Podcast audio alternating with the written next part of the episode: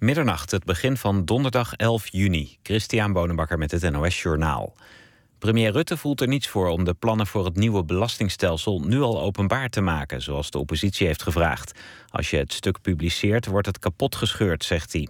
Onder meer CDA en SP hebben gezegd dat ze pas met het kabinet willen onderhandelen als het plan openbaar is. Geen achterkamertjespolitiek, zei SP-leider Roemer. Maar volgens Rutte heeft het plan alleen kans van slagen als het juist wel in achterkamertjes wordt besproken. Het kabinet heeft steun van een deel van de oppositie nodig voor een meerderheid in de Eerste Kamer. De komende dag houdt de Tweede Kamer een debat over de gang van zaken.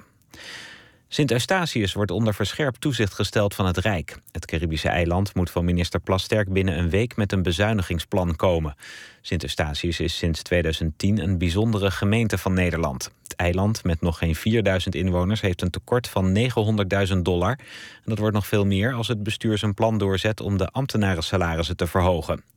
Plasterk maakt zich ook zorgen over de bestuurscultuur op het eiland. Zo heeft de gedeputeerde van Financiën zonder overleg een familielid benoemd tot hoofd van de afdeling Financiën. Zo'n 200 koks verzetten zich tegen de plannen van het kabinet om de jacht verder te beperken. Ze hebben een brief aan de Tweede Kamer geschreven. Onder de ondertekenaars zijn topkoks als Jonny Boer en Robert Kranenborg. Het kabinet vindt dat jagers eerst moeten bewijzen dat er te veel dieren van een bepaalde soort zijn voordat ze mogen schieten. De koks zien daar niets in. In hun brief wijzen ze op de groeiende vraag naar duurzaam lokaal voedsel, waarbij zeker is dat het dier een goed leven heeft gehad. Het weer. Vannacht is het helder. Het koelt af tot 9 graden. Daarna een zonnige dag met later in de middag wat stapelwolken, maar het blijft droog. Het wordt 22 tot 26 graden. Vrijdag kan het 30 graden worden met later op de dag kans op onweer. Tot zover het NOS-journaal. ANWB Verkeersinformatie. Een file op de A4, Delft richting Amsterdam... tussen Zoeterwoude Rijndijk en Roelof Arendsveen... een file van 3 kilometer. En dan een lange file op de N224, de klomp richting Arnhem... tussen Ede en de aansluiting met de A12, een file van 8 kilometer... en dat levert bijna anderhalf uur vertraging op. En dat was de verkeersinformatie. NPO Radio 1. VPRO. Nooit meer slapen.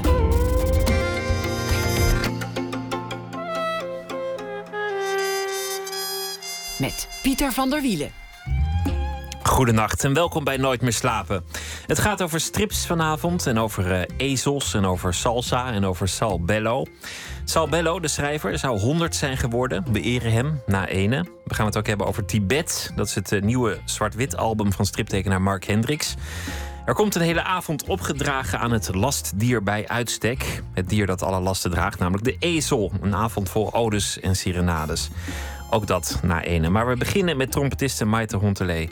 Een album is er, een uh, nieuw album, Te Voy a Querer. En uh, ook een tournee door het land, alle hoeken van het land. Ze zal ook op uh, Oerol optreden later deze maand. Ze is, nou, welkom, Maite Hontelee. Leuk, Ja. leuk dat je bent gekomen. Heel erg bedankt voor deze uitnodiging. En ik wil jou ook nogmaals feliciteren met je geweldige prijs. Voor Dankjewel. De, de zilveren reismicrofoon. En, eh, zoals het hoort, een, een, een, zou ik het gewoon zeggen, niet heel mooi beeldje, maar een gigantische eer. En, en eh, een glaasje champagne. Nou ja, heel erg leuk. Eh, Proost. Echt, eh, Ik, ik vind het heel leuk. En toen ik, ik had ook echt een brok in mijn keel vanmiddag. Dat Hm. heb ik niet snel. Ik ben altijd best cool.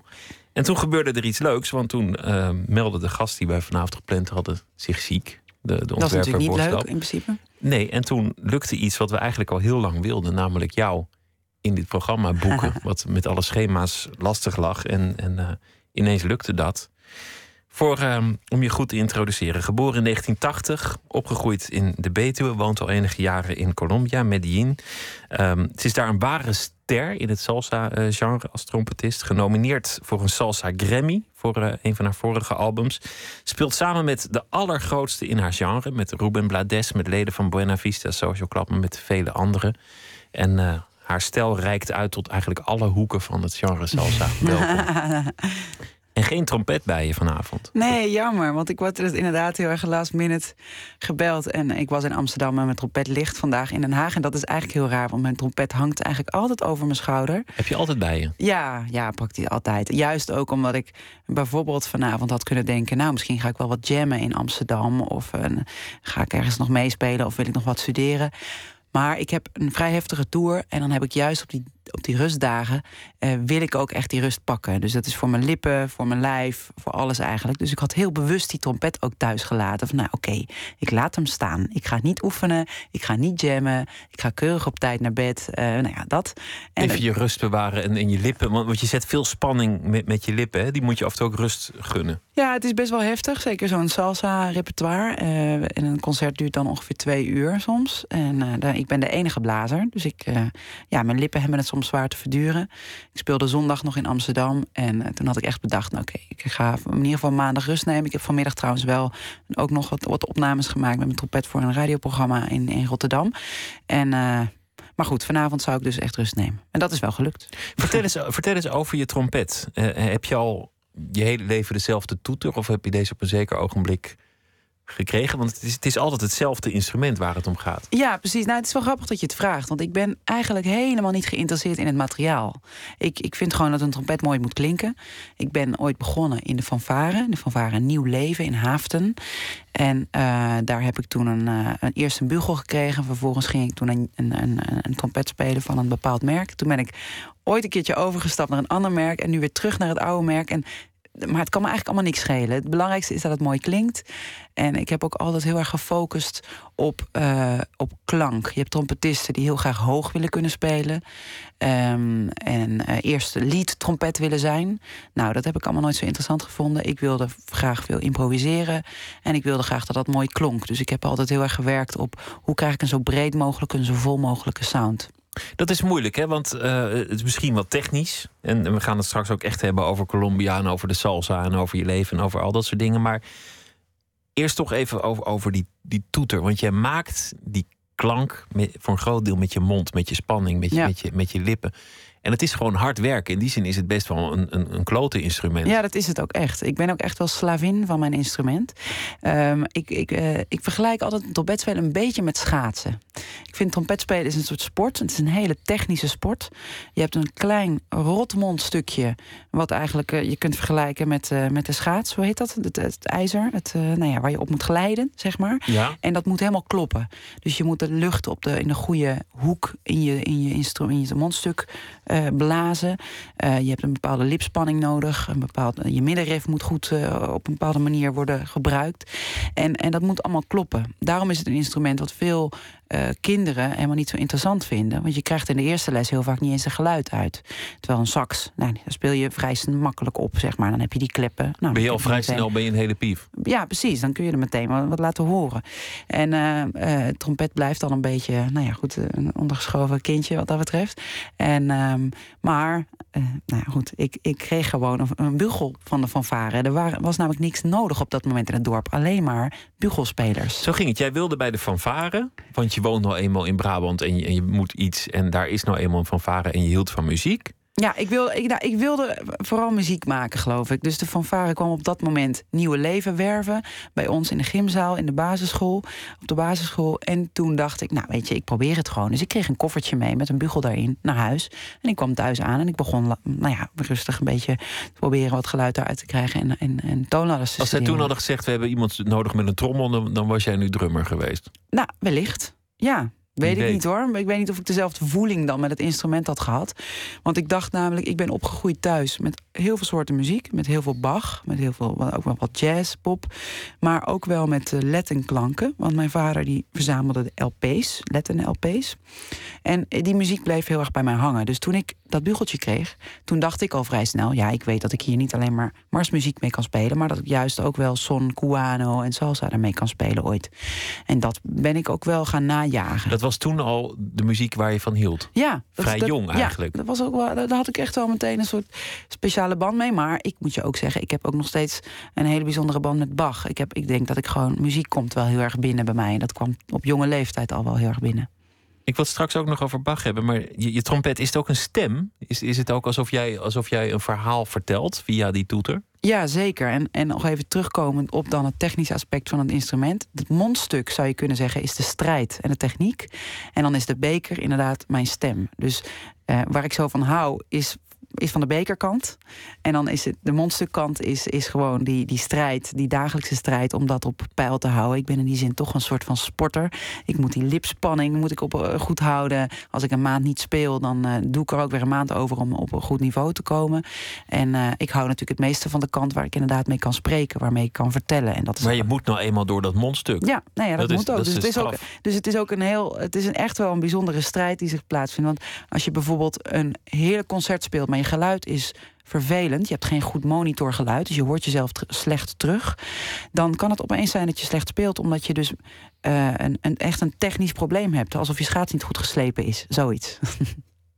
Snap je dat? Ja, dus met, met andere woorden, als de klank niet mooi is, dan kun je ook niet meer mooi spelen. Precies. Daar kun je niet, niet doorheen werken. Ja, dus als ik bijvoorbeeld een, een box heb waar mijn trompet slecht uitklinkt, dan heeft dat heel veel effect op hoe ik speel. Daarom heb ik ook laatst eh, heel goed geïnvesteerd in een hele goede microfoon. En dat is moeilijk, goed... want het is een vrij hard instrument als je uithaalt. En, en om dat goed te versterken, bedoel, het klinkt vaak over, overstuurd. Ja. Of, of, of schel of uh, door die microfoon heen. En het is een uitdaging, maar dat natuurlijk ook salsa is. Ik heb inderdaad heftige stukken, maar ik speel juist ook uh, af en toe een bolero, een ballet of een danson. Dat is bijna klassiekachtige muziek. En daar wil ik juist rond in kunnen klinken. Dus ik heb een vrij rond geluid in een af en toe vrij agressieve salsa sound.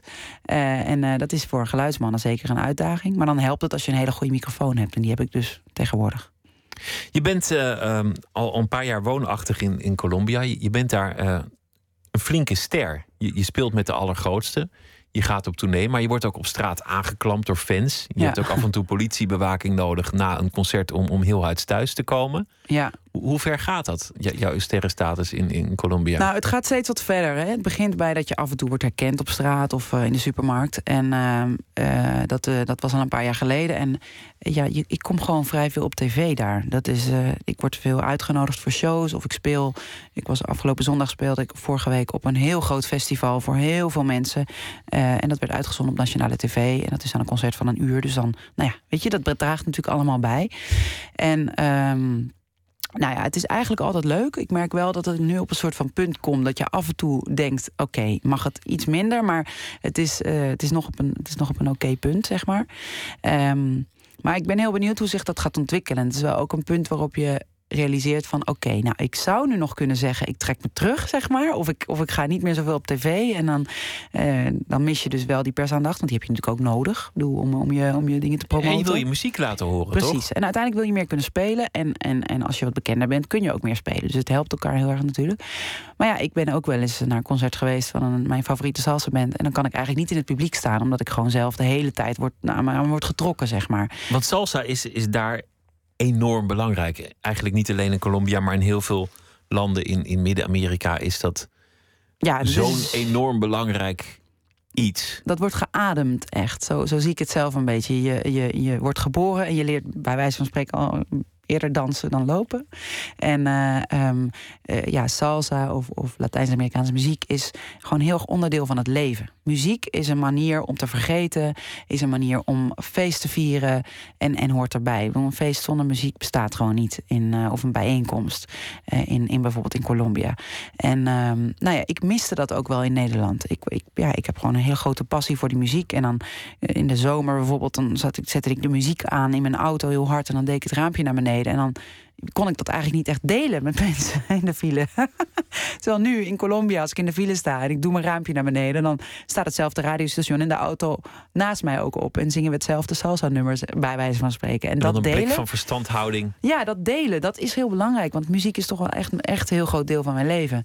En eh, ik ben leider van mijn band. Ik ben er helemaal voor gegaan. Ik heb een conservatorium gestudeerd. En ja, toch hard ervoor gewerkt. En dan is het heel fijn om, om aan te komen in een land of te wonen in een land waar je die passie met, eigenlijk met iedereen kunt delen. Maar je geeft ze ook voor een deel de geschiedenis van hun eigen muziek terug. Omdat je, dat je je verdiept in, in oudere sterren. Dat probeer jij te incorporeren in je eigen muziek.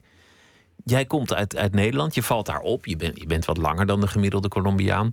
Je, je, hebt, je hebt je haar eh, blond. Dat zal, Mhm. zal wel meer voorkomen. Maar toch, je bent een op, opvallende verschijning daar. En je, je brengt die mensen hun eigen muziek. Ja, Dat, dat, dat lijkt me toch iets, iets iets vreemds. Ik bedoel, misschien is het even wel spannend geweest of het publiek dat wel zou pikken. Ja, dat was ook wel heel spannend, de eerste paar optredens. Gelukkig merkte ik al heel gauw dat dat helemaal geen probleem was. Sterker nog, ze vonden het juist heel bijzonder en geweldig dat er een Nederlandse trompetiste uh, nou ja, salsa en, en Colombiaanse muziek kwam vertolken. Um, en het was juist ook een soort van dankbaarheid. Van oh, wat fijn dat iemand gewoon ook op een positieve manier naar Colombia kijkt. En ook um, ja, in zekere zin een soort van ambassadrice wordt van Colombia, maar dan, nou ja, andersom, zeg maar. Dus als ik naar Nederland ga en kan vertellen over de muziek daar, die zo geweldig is, dat hebben ze heel erg nodig. Weet je, ze zijn heel erg trots, maar weten dat in Nederland of in de rest van de wereld heel slecht wordt gepraat over Colombia in het, het algemeen. Gaat, als het hier in het nieuws is, altijd over koken en vark. Precies, en dat is heel jammer, want dat is natuurlijk deel van de realiteit, van de Colombiaanse realiteit. Maar er is enorm veel te beleven in Colombia en er is enorm veel moois ook in Colombia. En uh, sterker nog, ik als uh, Nederlandse daar in mijn muziekwereld daar heb niks te maken met de kook en de vark. Tuurlijk wel zie ik het veel om me heen. Uh, in die zin in het nieuws en uh, nu met het hele vredesproces gaat het er natuurlijk veel over. Maar ja, mijn realiteit is dat ik ochtends op de fiets van mijn huis naar mijn kantoor fiets. En dat ik uh, daar aankom en een opname doe voor een leuke salsa band. En daarna ik ga zie spelen. Het ook in, en, in, jouw, in jouw videoclips een, een heel vrolijk, vredig land. Ja, ja, dat is natuurlijk gewoon één onderdeel van die realiteit. Is een kant. Ja, het is echt een kant. En ik, wat, wat, wat het wel mooi uitbeeldt is het volgende. Medellin ligt in een vallei. En uh, het wordt de stad van de eeuwige lente genoemd. Het is een heel lekker klimaat. En je hebt eigenlijk dus altijd uitzicht over die bergen. Ik woon in een uh, nou ja, redelijk goede, goede wijk. En, uh, maar je kijkt eigenlijk altijd uit tegenover die uh, tegenover de bergen, op de, op de bergen. En een gedeelte van die bergen zijn gewoon sloppenwijken. En dan zie je niet goed dat het sloppen zijn, want dat is net iets te ver weg. Maar je, je ziet dus altijd die andere kant van de realiteit, maar daar kom je nooit. Want als je die buurt in wil rijden, dan word je meteen tegengehouden van... hé, hey, wat doe jij hier? Want uh, hier komen alleen maar de bendes. En nou ja, goed, hier, hier mag je gewoon niet naar binnen. Dus die realiteit is er wel, maar je, je komt er niet in. Je, je bedoelt, het is, voor mij is het moeilijk om in een vuurgevecht terecht te komen. is in veel Zuid-Amerikaanse landen hè, dat, dat, dat de realiteiten heel erg verdeeld zijn. Ja, en dat is natuurlijk ook heel erg pijnlijk. Het is ook heel raar dat ik uh, er eigenlijk weinig van meekrijg. Terwijl dat natuurlijk ook gewoon een heel groot onderdeel is van. Um, maar ja, dat, is, dat wordt dus ook normaal. Ik ben er nu zes jaar. Uh, ik voel me eigenlijk ontzettend veilig de hele tijd. Het is een land wat ook voor toeristen tegenwoordig heel erg uh, toegankelijk is. Uh, toegankelijk gemaakt ook natuurlijk, hè, door, door heel veel bewaking. Maar het is bijvoorbeeld het land waar heel veel backpackers van zeggen... die door Latijns-Amerika reizen. Nou, Colombia was het echt helemaal. Wat een fijne mensen, wat een prachtige natuur... wat een mooie muziek. Uh, nou ja, weet je, dus ja, dat is, dat is natuurlijk ook een, een onderdeel van Colombia. En van, Je bent van, van het, van het land gaan houden, eerst van de muziek en toen van het land. Het nieuwe album, het is Te voy a querer... Mm -hmm. Laat mij van je houden. Ja. ja. Laat mij, uh, nou ja, je voor, een van je vorige albums heette uh, Laat mij mijn gang gaan. Ja. Vrij vertaald. Laat mij van je houden. Welk nummer zullen we als eerste beluisteren? Nou, het, het, het, het, album heeft elf nummers, dus ik vond het moeilijk kiezen. Maar laten we, met, laten we een beetje rustig binnenkomen. En dan is er een nummer dat heet Nochecita. En dat, dat is wel bijzonder, want dat is namelijk een mix. Ik probeer met mijn muziek altijd een beetje te laten zien. Met mijn albums en live shows dat, kijk, salsa is een soort verzamelnaam voor heel veel genres. Tegenwoordig zegt iedereen, oh, dat is salsa. Of, maar daar zitten zoveel genres onder. En dat probeer ik een beetje te laten zien.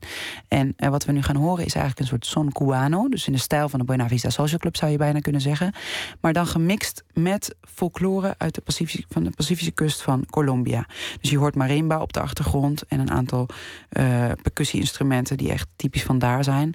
En ik ben heel erg geïnteresseerd juist in die, in die mixen om dat te laten horen. En, en, en te laten horen dat er zoveel meer is dan de, de salsa die allemaal op elkaar lijkt. Daar wil ik een beetje proberen van af te, te gaan. Nochecita.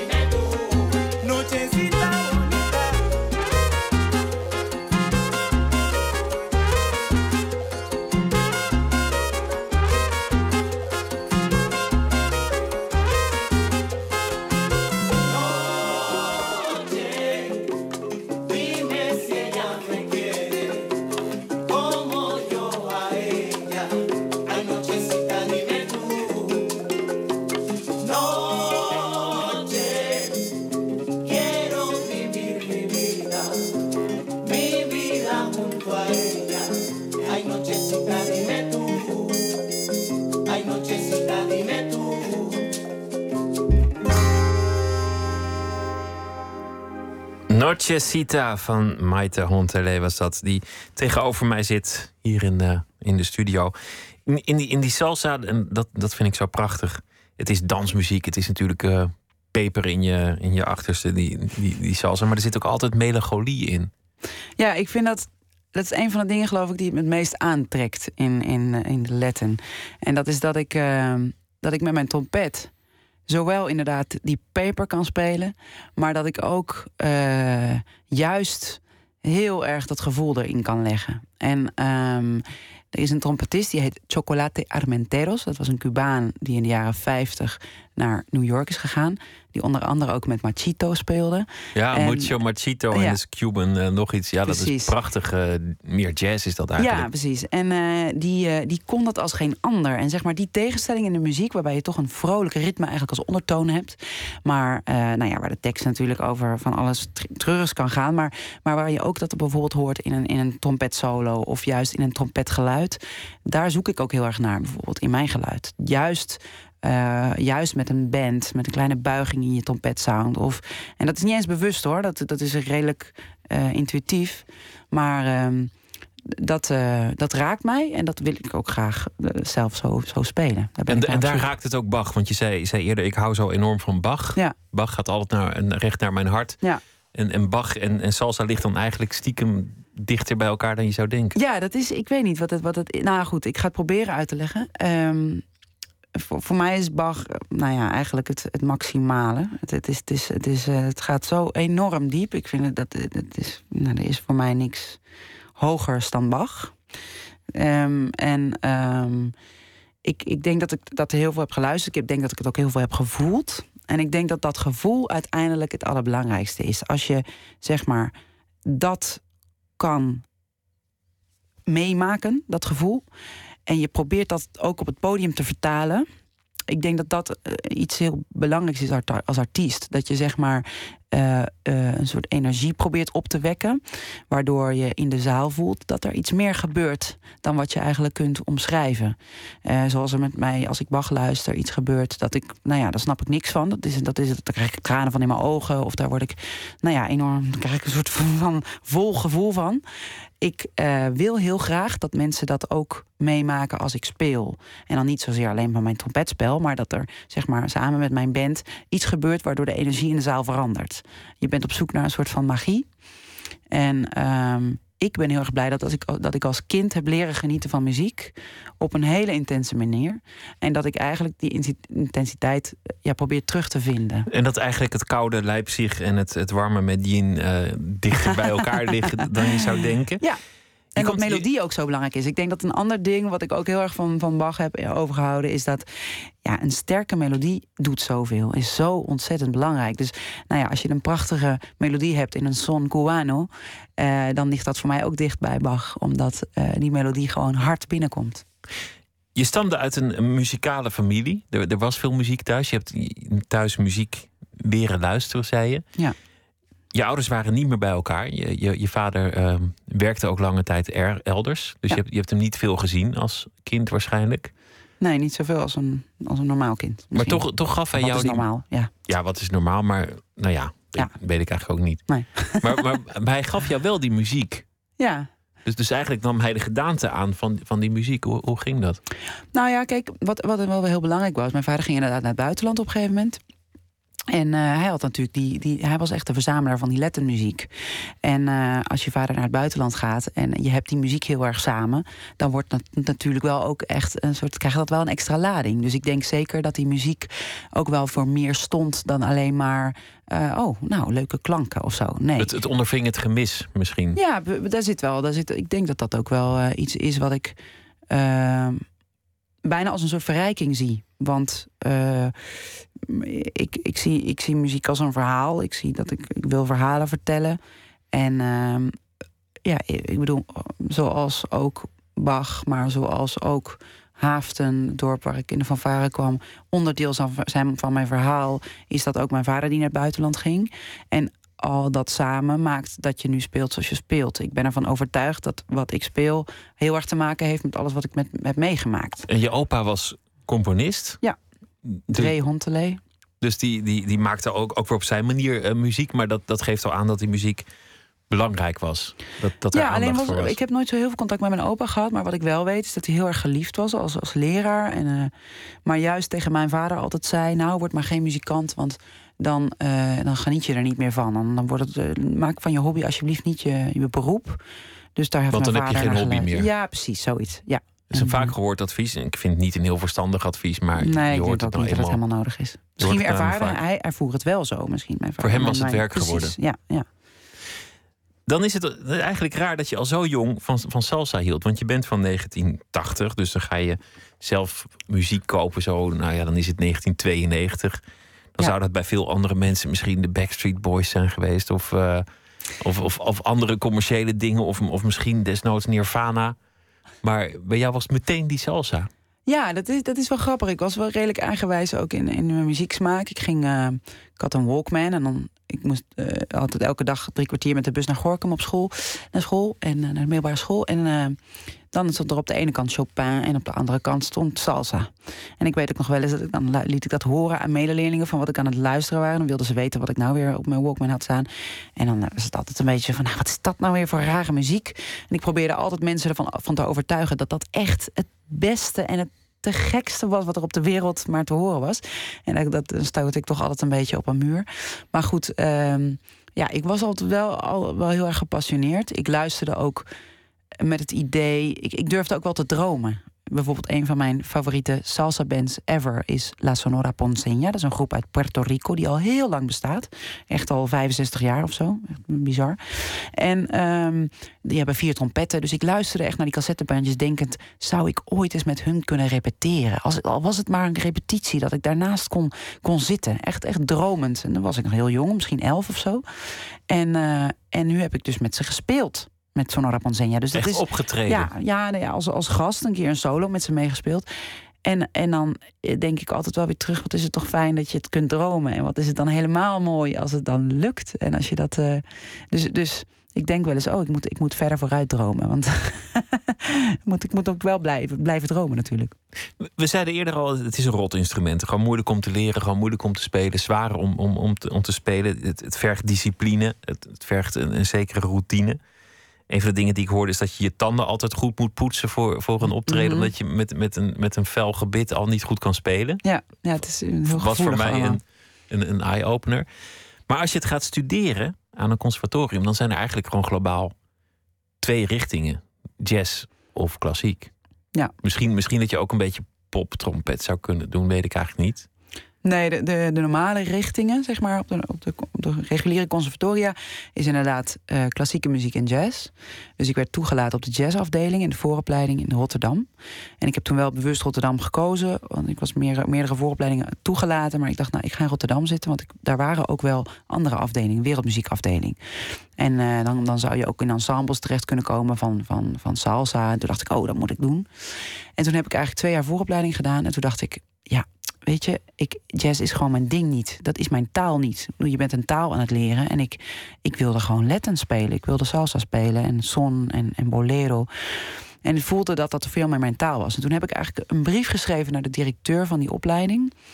En eh, geschreven dat ik. eh, nou ja, dat ik eigenlijk van het conservatorium af wilde. Tenzij er een, een mogelijkheid was om toch ook op die wereldmuziekafdeling te komen. Die eigenlijk alleen maar dus eh, beschikbaar was voor zangers, percussionisten, bassisten en pianisten.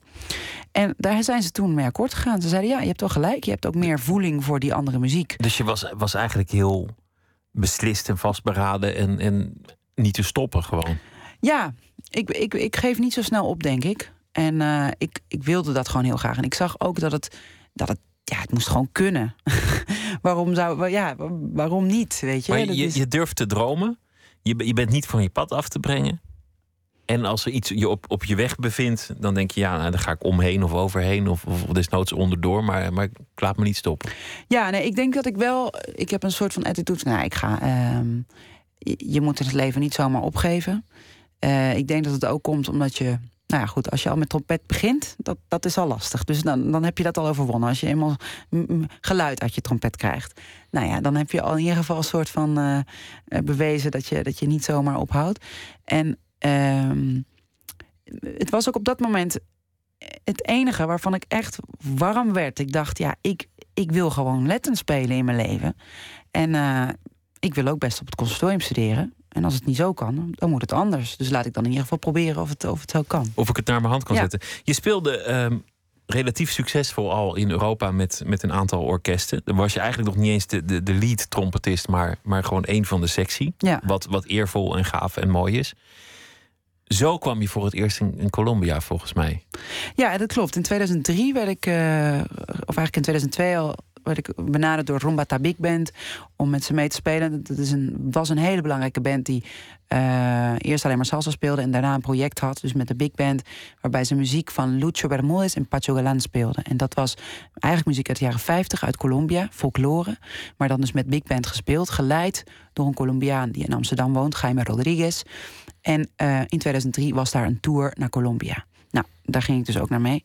22 Nederlanders, niet allemaal puur Nederlands, maar wel hier woonachtig. Die dus naar Colombia gingen. Dat was zo'n geweldige tour. Dan leerden we Colombia kennen. En ze konden gewoon niet geloven dat nou ja, 22 Europeanen eh, die muziek weer her, her- deden herleven. Want die muziek klinkt daar eigenlijk niet meer. Jullie kwamen, 50. jullie kwamen hun verloren cultuurgoed terugbrengen. Ja, Wat, wat gebeurt er als je daar optreedt? Waarin is het anders? Wat gebeurt er in zo'n zaal? Hoe, hoe reageert het publiek? Nou, het, het is, ten eerste, het is geen zaal. Het is, het is gewoon heel vaak buiten, festivals. En, en, en ze, ze, ze gingen gewoon helemaal uit hun dak. Ze zongen alles mee, want die nummers die zijn nog wel steeds heel erg bekend. Eh, eh, zingen, maar ook ontzettend dansen, klappen, springen. Ik kreeg een roos toegeworpen. Eh, ja, met alle passie die er maar mogelijk was, werd daarop gereageerd. En eh, ik weet ook nog wel dat we na die tour thuis kwamen of weer terugkwamen in Nederland. En dat iedereen echt een beetje flabbergasted was. Echt zo van: jeetje, wat was dit? Wat is, wat is dit voor wals die over ons heen is gereden? En, en wat was dit geweldig om, om mee te maken. En ook verslavend. Nou, en ook verslavend. Ik kwam inderdaad terug en ik dacht wel van jeetje, ik ben 23. Ik heb nu dit al meegemaakt. Dit was al de reis van mijn leven. Hier kan niks meer overheen. en, eh, en nou ja, daar, daar werd al wel mijn liefde voor Colombia aangewakkerd. En ook het idee dat ik wel meer in Latijns-Amerika wilde spelen. Het is uiteindelijk de liefde geweest die je daar heeft doen komen wonen. Ja, het grappige was dat ik eigenlijk in 2008 bedacht dat ik een album wilde maken voor de Colombiaanse markt om daar meer te kunnen spelen. Ik was daar inmiddels al wat, wat vaker op tour geweest. En eh, onder andere ook met Cubal City Big Band van Lucas van Merwijk, het gekke band, die ook dingen weer van Machito en Benny Moré speelde. En ik dacht, ik wil daar gewoon mee spelen. Dus toen heb ik vijf nummers opgenomen, speciaal voor de Colombiaanse markt, met klassiekers vanuit Colombia. En dat ben ik toen gaan promoten daar. En toen ben ik verliefd geworden op mijn huidige vriend, die in Medellin woont. En toen dacht ik, ja, als ik nou een album heb Ook muzikant. ook muzikant, producer, echt ontzettend eh, succesvol met zijn band Puerto Candelaria. En eh, die spelen een soort mix van cumbia met jazz, met theater. Nou, een ontzettend rare, maar grappige mix. En ehm, ja, ik, ik dacht, eh, dit moet ik gewoon doen. Ik kan nu. En ik, ik was ook in Nederland een beetje de weg kwijt. Ik wist niet meer zo goed wat ik wilde met mijn trompet. En ik vond daar wat ik, wat ik wilde. Gewoon een publiek. eh, een nieuw publiek ook. En een nieuwe uitdaging, namelijk een eigen band. Dus onder eigen naam. En daar ben je bandleider geworden. eh, daar ben je gevestigd. En daar ben je uiteindelijk ook eh, doorgebroken. Ja. Je, je speelt nu met de allergrootste. Dat, dat zei ik al in de inleiding. Ruben Blades. Maar eigenlijk, ik kan- nog veel meer namen noemen.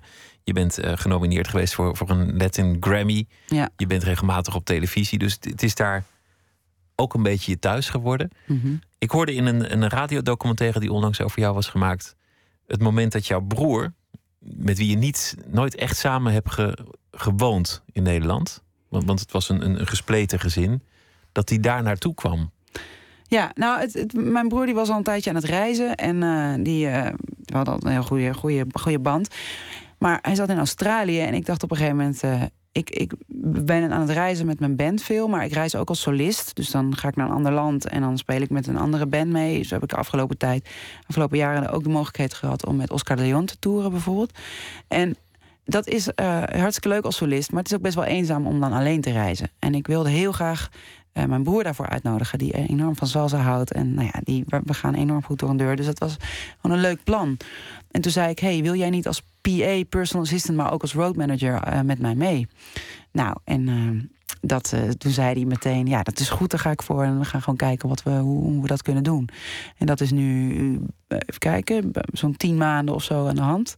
En dat is echt heerlijk. Maar dat is de broer met wie je nooit in één huis hebt gewoond. Nou, dat, is, dat was mijn vader, waarmee ik, waar ik mee weinig in, eh, in samen heb. In, een, in één land gewoond eigenlijk. Sinds hij wegging naar Barcelona. Toen is hij wel weer teruggekomen, even naar Nederland. Maar eh, met- vooral met mijn vader heb ik gewoon niet, eh, niet veel eh, gedeeld. Mijn vader woont sinds drie jaar ook in Medellin. Want die is, kwam op vakantie bij me. Die vond het helemaal te gek en die woont daar nu ook. Dus Dus, dus het, eigenlijk de, de hele familie komt langzaam Ja. gewoon in jouw het is kielzog. heel raar. Het is echt als je. De Colombianen geloven er ook niks meer van. Want hoe heet, hoezo heet je dan Maite? Want Maite is ook een Spaanse naam. Hoezo heet je dan Maite? Waarom hou je dan van salsa? Waarom woont je vader hier? Waarom woont je broer hier? We snappen er niks meer van. Dus het is ook wel een beetje een bizar verhaal. En dan, Dus, dus via de muziek die eigenlijk stond voor het gemis van je vader, ja, is, ben jij daar terechtgekomen en is jouw vader uiteindelijk ook daar gekomen en, en is, is dat gemis opgevangen? Ik, Ja, ik maak dat- het iets dat- romantischer dan, Ja, dan het zou dat- moeten zijn, maar het is inderdaad een heel. Het klinkt allemaal heel romantisch. In het dagelijks leven is dat natuurlijk gewoon. Ja, ook wel weer anders. Maar het is het is gewoon wel. de loop der dingen. Maar Precies, de loop der dingen, maar het is wel een best wel rare loop der dingen. Ik bedoel, als je. eh, ja, als je het zo allemaal opschrijft, dan is het best wel een rare film of zo die je dan schrijft. Best wel een raar scenario. Maar ja, het gebeurt. en ik Eh, denk dat de schrijver zo- er niet mee weg zou komen. Nee, hè? Nee. Die zouden zeggen, wat een slechte film. Ja, gewoon. Maar eh, nee, ja, ik, ik vind het heel bijzonder wat er allemaal gebeurt. En ehm, nou ja, vorig jaar zijn we dus genomineerd ge- geweest voor de Latin Grammy. Naast grootheden als Mark Anthony en Tito Nieves. In de categorie Beste Salsa Album. En daar hebben we niks voor gelobbyd.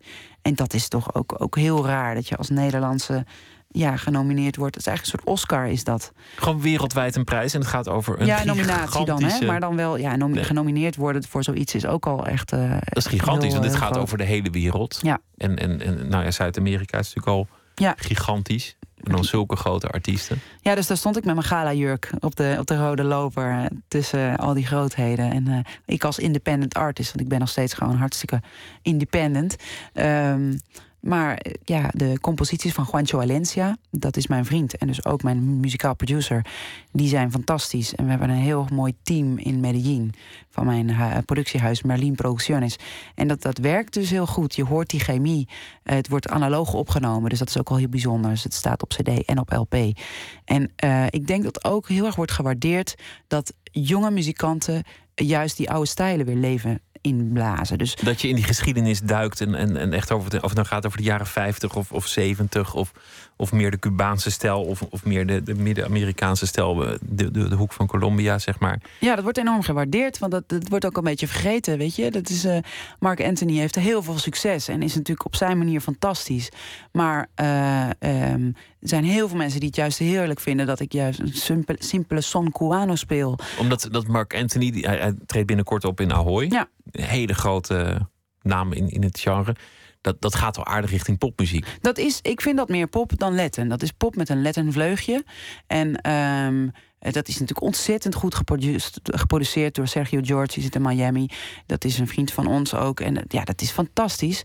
Maar dat heeft weinig te maken met wat ik doe en wat ik ook wil. We willen ook echt iets heel anders. Dus in die zin was het grappig dat we in dezelfde categorie waren genomineerd. Want dat is voor mij, nou ja. Dat is ook binnen die categorie heel ver staat dat uit elkaar. Eh, maar goed, het valt wel binnen dezelfde. eh, nou ja, hoe zou je dit zeggen? Die, die toch vrij brede noemer. Salsa, of, precies. of, of Latin. Ja, inderdaad. Zullen we weer gaan luisteren naar eh, een van de stukken van het nieuwe album? Laten we dan luisteren naar Mambo City. Dat is een instrumentaal stuk. En eh, daar openen we de show mee, ook live. Dus ik, bij deze ook de uitnodiging. We gaan spelen vanaf vrijdag weer door het land. Onder andere in Lantaarn Venster. Dus deze vrijdag. Zaterdag in Eindhoven in het Muziekgebouw. Zondag in Nijmegen in Doornroosje. En dan dinsdag nog in Haaften. De fanfare Je eh, eigen, je begon komt met, met dorp. terug in je, in je dorp. Terug in mijn dorp. Dan gaan we ook een paar stukken met de fanfare spelen. Dus dat is geweldig. En dan sluiten we af op Oerol op woensdag. We gaan luisteren naar eh, Mambo City.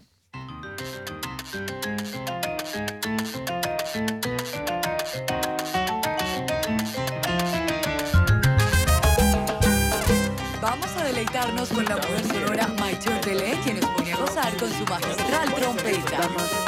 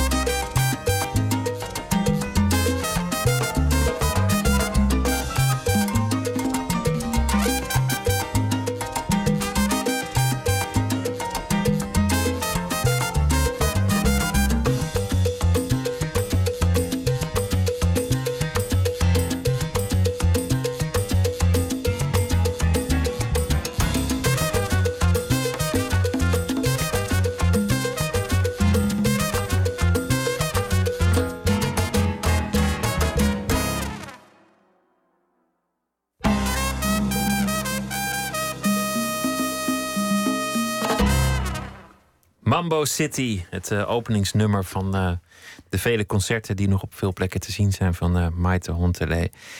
Die nou ja, al een hele tijd woont in Colombia. al, al, al Al aardig- zes jaar. al zes jaar, ja, of, of net zes jaar. ja, het is precies. natuurlijk Het is maar het ziet. is natuurlijk relatief. Het leven is daar wel, wel anders. De, de, de mentaliteit is anders. Ik, ik vind dat, dat iets ontzettend fascinerends. De, de Latino, zeg maar. Om, om, om dat te duiden. Ja, het Zou is ook ik best wel ja. ingewikkeld om te duiden hoor. Want eh, eh, dan hebben ze het altijd over eh, meer relaxed en zo. Ja, Nou maar ben ook weer helemaal niet. Precies. Ik- dit is een zo grappige tegenstelling. Ook in Medellin, wat ik dan van dichtbij meemaak. Wordt enorm hard gewerkt. Ik heb ook nog nooit zo hard gewerkt als daar. Dat is ook nodig, want er wordt gewoon minder verdiend. Dus je moet ook wel harder eraan trekken. En tegelijkertijd zitten er ook momenten in de dag... waar er op de, gewoon enorm van het moment wordt genoten. Dus als er iemand langskomt bij het kantoor... die je al een tijd niet hebt gezien... nou, dan zit je daar zo'n uur mee te kletsen. Of, of dan ga je daarmee koffie drinken. Of, of dan... En ik, ik heb het gevoel dat daar toch wel meer in het nu wordt geleefd soms. Eh, dat het mensen wat meer in staat zijn om, om, om, eh, om te genieten. Colombia heeft natuurlijk enorm heftige geschiedenis achter de rug. En ehm, ja, ik, ik, ik durf wel eens te beweren dat, dat er gewoon een soort van noodzaak is om in het nu te genieten. Een soort van, eh, je weet niet wat er morgen gebeurt. En eh, bijvoorbeeld elke vriend die ik heb in Colombia of vriendin, die heeft in hun, in, hun familie wel iets verschrikkelijks. Die, die kent wel een verschrikkelijk geval in de familie. Of overleden, of een gijzeling. Of, en dat is nu niet meer, maar was wel vroeger. Dat dragen ze met zich mee. En ik heb het gevoel dat daarom ook juist, juist er wel meer, ja, dat er meer in het nu wordt geleefd en ook ehm, goed gefeest kan worden. Nou zit dat denk ik toch ook wel gedeeltelijk in het DNA. Want eh, nou, dat, vroeger werd er ook al eh, goed gefeest daar. Maar ehm, het is bijzonder om dat mee te maken. Het is ook het, je woont, als je in Medellin woont, woon je eigenlijk, woon je eigenlijk in een soort mini-landje. Dus al mijn vrienden, nou ja, ook een aantal in Bogota, maar de meeste wonen gewoon in Medellin. Dus als je s'avonds naar de film wil, is er altijd wel iemand die kan. Dan hoef je niet eh, met de treinen van Rotterdam naar Amsterdam, zeg maar. Dus het is altijd redelijk dichtbij. Je bent altijd in een kwartiertje of in twintig minuten ben je wel dan waar je moet zijn. En dat is eigenlijk een heel leuk gevoel. Dat je gewoon, je kunt diezelfde dag nog even een feestje regelen. Of even iemand bellen. Want op agenda's, nou, die bestaan eigenlijk bijna niet. Je weet dat je woensdag moet repeteren. Of, maar, maar afspreken met mensen twee maanden van tevoren, dat, dat, dat, dat gebeurt helemaal niet. Dat, dat bestaat helemaal niet. Dus, en daardoor heb je wel een soort van ontspannenheid in het omgaan met mensen. Het is allemaal wat ontspannender. Oh, zullen we samen lunchen? Oh, dat is goed, gezellig, leuk, gaan we doen. Of eh, ja. Maar ook toch ook heet geblakerd. De, de, de, de traditie, het is, het is enorm aan het veranderen, maar de traditie van Midden- en Zuid-Amerika is natuurlijk ook of een revolutie of een dictatuur. Altijd gaan voor het uiterste. Emotie, eh, toch ook een beetje heet geblakerd, eh, ge- gepassioneerd kan je het ook noemen. Ja. Het, het is niet eh, in, in die zin heel relaxed of rustig. Nee, dat klopt wel. Er zit, er zit veel passie in aan alle kanten. Ehm, dat, dat, dat, ik merk ook wel dat, ik- dat ik daar zelf zeg maar ook zelfs... Ik moet een beetje uitkijken dat ik niet in die val trap. Want ik, ik werk dus ook, hard... om ook gepassioneerd te worden of, of hoe Nou, zou dat gepassioneerd is wel hartstikke goed. Dat vind ik juist ook wel heel erg leuk. Ja. Maar ehm, ehm, bijvoorbeeld dat werkritme. Je gaat maar door, joh. Die mensen die hebben ook bijna geen vakantie. eh, nemen ook niet die vakantie. Eh, het, het, eh, bijvoorbeeld alleen al in een relatie, bijvoorbeeld het op pad gaan met je partner. Dat, dat is een soort van. dat bestaat bijna niet. Je gaat gewoon met vrienden of je gaat. Weet je, je bent veel meer samen met mensen. Eh, lawaai, inderdaad. Het is een veel lawaaier land. Dus veel minder. eh, Ik zet de radio aan en ik weet niet of mijn buurman daar last van heeft, maar daar trek ik me ook niks van aan. En die buurman die vindt dat vervolgens ook niet erg, want dat is normaal. Dus het, Het hele begrip overlast is natuurlijk ook anders. Hier, hier hoor, je, hoor je muziek en denk je overlast. En, Hmm. en in heel veel andere landen denken ze muziek. Ook Gezellig. gezellig, hij heeft Ja. een feestje. Ja, precies. Dus dat, dat is al anders. Maar goed, er zijn wel momenten dat het, dat het dan eh, natuurlijk even te veel wordt. En, en, eh, en zeker dat werken, dat, eh, dat hoort ook natuurlijk wel bij het, bij het vak wat ik, wat ik heb. Maar nou, af en toe de stekker eruit, dat, dat ging in Nederland wel makkelijker. Om, om- daar gewoon door. En dus raas jij zelf, want dat zit natuurlijk ook in jouw karakter. Ja, en raas jij raas zelf ook door. meer door. Ja, ik, ik raas echt enorm door. En momenteel, want je brengt alles uit in eigen beheer. Je, je bent zelf heel erg betrokken ook bij, bij alles wat je doet ter promotie. Dus, dus de, de, de, de PR-interviews zoals wat wij hier nu aan doen zijn. Ook het, het maken van een videoclip, een vormgeving, het samenstellen van je band. Je hebt de, de leiding over de, over de band. Ja. Ehm, heel erg betrokken bij het uitkiezen van de stukken. Daarnaast verdiep je je ook in de geschiedenis. Doe je gastoptreden bij, bij, bij anderen. Het is bijna ongelooflijk hoeveel jij doet. En Ja. dan is het nu ook nog allemaal Nou, ik ben wel gang. steeds meer op zoek naar allianties. Bijvoorbeeld nu, nu komt de plaat hier uit bij V2. Hè, bij eh, eh, V2 op, op, op plaat en op, eh, op cd. En ligt gewoon in de platenwinkels. Dus je, je stoot ste- steeds ook weer wat meer af. En mijn tour wordt nu gere- geregeld door Radar Agency hier in Nederland. En Dat deed ik vroeger ook allemaal zelf. Dus ik, heb, ik ben al wat aan het zeg maar loslaten. Dat vind ik trouwens heel moeilijk. Want omdat je het juist allemaal zelf hebt gedaan, weet je hoe, het, nou ja, hoe je het kunt doen. En dat Ja. kan ik ook wel. Dus dat, dat is dan wel ook moeilijk. En eh, ik denk dat het een, dat er heel erg bij hoort. Als je als artiest succesvol wil zijn en wil opboksen tegen zoveel aanbod op de markt, dan moet je iets unieks neerzetten. Dan moet je daar goed over nadenken. Dan moet je niet alleen een CD uitbrengen, maar dan moet je bijna bij elk nummer ook een clip maken. Daar moet je dus in investeren. Hoe krijg je dat geld voor elkaar? Maar je moet ook die markt daar kennen. Je moet ja, ook, dat je heeft moet dus ook een tijd geduurd. Ja, ik heb natuurlijk de eerste paar jaar denk je ook, jeetje man, mijn Spaans is nog niet goed genoeg. Hoe ga ik dat doen? Dan blijkt dat je vervolgens met iemand eerst dronken moet worden voordat je überhaupt een, een gig aangeboden krijgt. krijgt. Ehm, eh, dat duurt allemaal wat langer dan je, dan je dacht. Daarnaast had ik in Nederland speelde ik met heel veel bands. En in Colombia speelde ik nog alleen maar met mijn eigen project. Dus ik had opeens veel minder werk natuurlijk ook. En een hele andere focus in het leven. Nou, en nu na, na zes jaar, bijvoorbeeld vorig jaar heb ik gewoon veertig keer gespeeld met mijn band. En, en, en heel veel andere keren nog als solist. Dat is ontzettend fijn en dat, te gek. Dus dat geeft ook wel aan dat het nu echt werkt. Maar dat is natuurlijk een proces van jaren. Ja, je komt terug binnenkort in, in Haaften, waar je gaat spelen met, eh, met de fanfare. Ja. Het klinkt heel erg, zoals je het vertelt, alsof, alsof je gewoon in het leven hebt gevonden wat je wil doen. Hebt gevonden waar je wil zijn. eh, gevonden wat, wat eigenlijk jouw bestemming is in het leven. eh, jou- jouw richting, je, je plan. Ja. Alles lijkt bij elkaar te komen. Nou, dat is heel grappig dat je het zegt, want dat, dat, dat dacht ik ook. En, en, en toch is het heel raar. Hè? Dan ben je genomineerd voor een Latin Grammy. Je hebt een fantastisch nieuw album. En toch kan het voorkomen dat je, dat je denkt: ik, ik weet het even niet meer. En dat is, dat is grappig, want dat, daar ben ik nu wel weer overheen. En zo'n tour vind ik fantastisch. Maar ik had dit jaar toevallig zo'n moment. En je had het al eerder, want je zei toen je in Nederland was... ik wist het even niet met die trompet. Ja, ik denk dat het heel belangrijk zijn. Dat het eikmomenten. Dat je gewoon weer even nadenkt: oké, ga ik nog goed? Is dit wel de richting die ik echt wil? Want je zit natuurlijk ook op een trein die maar doorraast. En juist ook die trein waar we het net over hadden. Eh, ik denk dat het juist voor mij ook heel belangrijk is om, om, om af en toe even terug te schakelen en te kijken. Wow. eh, Wat gebeurt er dan? Is dat een, is dat een crisis of is dat een, ja, dat, is, dat moment komt van er bij mij altijd wel eh, uit als een crisis. Want ik kan dat heel goed op, op eh, potten. Hoe zeg je dat? Eh, ja, op, opsparen, zeg maar, in me. En dan, en dan komt dat er wel eens uit. Ehm, en dat is Wat, dan wat gebeurt er dan? eh, Ga je, ga je gooien, gillen, krijsen, huilen? Nou, Eh. god ja, wat, is- wat is een soort combinatie daarvan. Eh, ik denk dat het eh, vooral. Ik moet vooral op, opletten als ik gewoon inderdaad niet meer rust vind of zo. Dan, dan kan ik gewoon niet meer rustig op de bank zitten en denken: oké, ontspannen. Dat, dan lukt dat ontspannen niet meer. En dan moet ik wel een beetje gaan uitkijken. En dat gebeurde een beetje. Maar dat, dat is natuurlijk ook heel noodzakelijk. Gewoon, weet je, dan, dan ga je als een trein, je hebt succes. En eh, een fantastisch nieuw album. En dan, en dan toch moet je gewoon ook opletten dat je gezond blijft. En dat je er ook wel van blijft genieten. En Want het is een wereld vol, vol verleiding natuurlijk, omdat dat ook ja, en het is ook raar. Je, ik heb vorig jaar dus heel veel gespeeld. En dan bij zo'n Latin Grammy. En dan zit je eigenlijk dus constant op een high. Je zit eigenlijk op drugs te gebruiken. Weet je, je krijgt altijd maar veren. En je, en je nou ja, goed gestoken. En je, je, je bent de hele tijd zit je eh, ja, op zo'n high. Maar er zijn natuurlijk ook momenten waarop je bijvoorbeeld in januari, februari ligt het helemaal stil in, in Medellin, over het algemeen, in Colombia. En ehm, ja, dan, dan kom je dus weer terug op aarde. En dan, is het, dan ga je dus weer eventjes helemaal van die high af. En dat, eh, dat, die pieken en dalen, dat is lastig om mee om te gaan. Dat is echt heftig. Hoe maak je je klaar voor een optreden qua, qua stemming? Want oké, je moet rust nemen ook met je mond en met je lippen. Je moet die toon hebben. Het, het, is, het is heel geconcentreerd omdat het gaat om en de peper en de melancholie en, en de zang, je stem, je, je verhaal. Wat doe je voor een optreden om, om klaar te...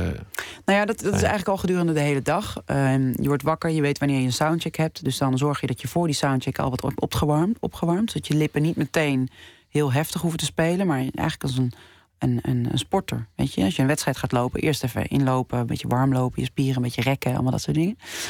Ehm, eh, het is echt een proces. Kleding uitzoeken. En dan ga je nadenken, wat wordt de sfeer in de zaal? Oké, nou, ik eh, neem meestal twee sets kleding mee... zodat ik ook op het laatste moment nog kan kiezen. Eh, wordt het iets sportiever of wordt het, wordt het heel elegant? Ehm, dan kom je aan bij de zaal en dan ga je een beetje de zaal ook bekijken. En dan kom je alvast een beetje in die stemming. Doe je de soundcheck, dus dan weet je dat het geluid onder controle is. En dan wat ik meestal doe is even ruim van tevoren eten, want met een volle buik trompet spelen is niks aan. en dan eh, vlak voor het optreden, zo'n ja, eigenlijk een uur van tevoren, eh, wil ik eigenlijk niet meer met mensen praten. En dan zit ik gewoon eh, backstage en bekijk ik de set goed. En dan nog even een soort van kleine eh, bijeenkomst met mijn muzikanten. Maar even jongens, En een, en een glas rum, want dat hoort er eigenlijk ook wel een ja, beetje bij. dat doe ik eigenlijk altijd. Maar dat niet een heel glas, maar gewoon een, een, een klein beetje rum... om eh, de, de, de spanning, de ergste spanning eraf te halen. Ik ben nooit heel erg gespannen, maar wel gezond gespannen. En, eh, en wat ik altijd doe, is eventjes die set toch even snel doorzien. Want ik ben natuurlijk, en dat is ook altijd wel interessant... ik moet namelijk trompet spelen, maar ik moet ook dat contact met het publiek maken. Dus je bent met iets bezig wat heel intiem is en heel erg bij jou ligt en bij de band. Maar je moet ook juist heel erg buiten jezelf denken. En dat contrast tussen juist iets heel moois maken en proberen 100% muziek te zijn op dat moment. En te denken: oh. eh, ik heb het gevoel dat we hierna iets sneller moeten spelen, dus ik ga de set omgooien. Wat juist weer heel erg ehm, te maken heeft met bijna een soort mathematisch eh, ding. Of een heel erg, eh, weet je, plannen. Dat, dat moest ik heel erg leren. Dat je dat, Om dat eh, allemaal te combineren. Ja, precies. Het is te zien de komende dagen in eh, heel veel zalen in het land. Dank dat je te gast wilde zijn en heel veel plezier en eh, heel veel succes. Maite Rontelee, dank je wel. Heel erg bedankt voor de uitnodiging. Eh data staan op maitehontelee.com. En eh, nou ja, op Facebook, Instagram, Twitter. De hele, De hele, de hele reut de het, hele met uit. het album heet The Voy A Carrère. Zometeen gaan we verder. Twitter, het VPRO NMS of de mail nooit meer slapen, VPRO.nl. Dank je.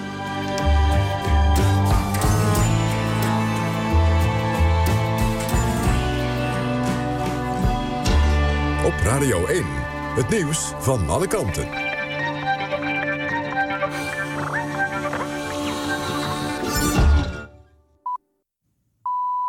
1 uur, Christian Bonenbakker met het NOS Journaal.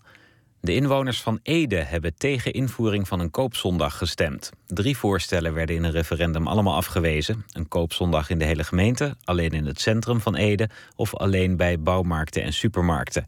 Ook de optie om het maar twaalf keer per jaar te doen haalde het niet. Opvallend was dat de inwoners van de stad Ede in meerderheid voor waren... maar dat de voorstellen werden afgewezen doordat dorpelingen in de gemeente massaal tegenstemden.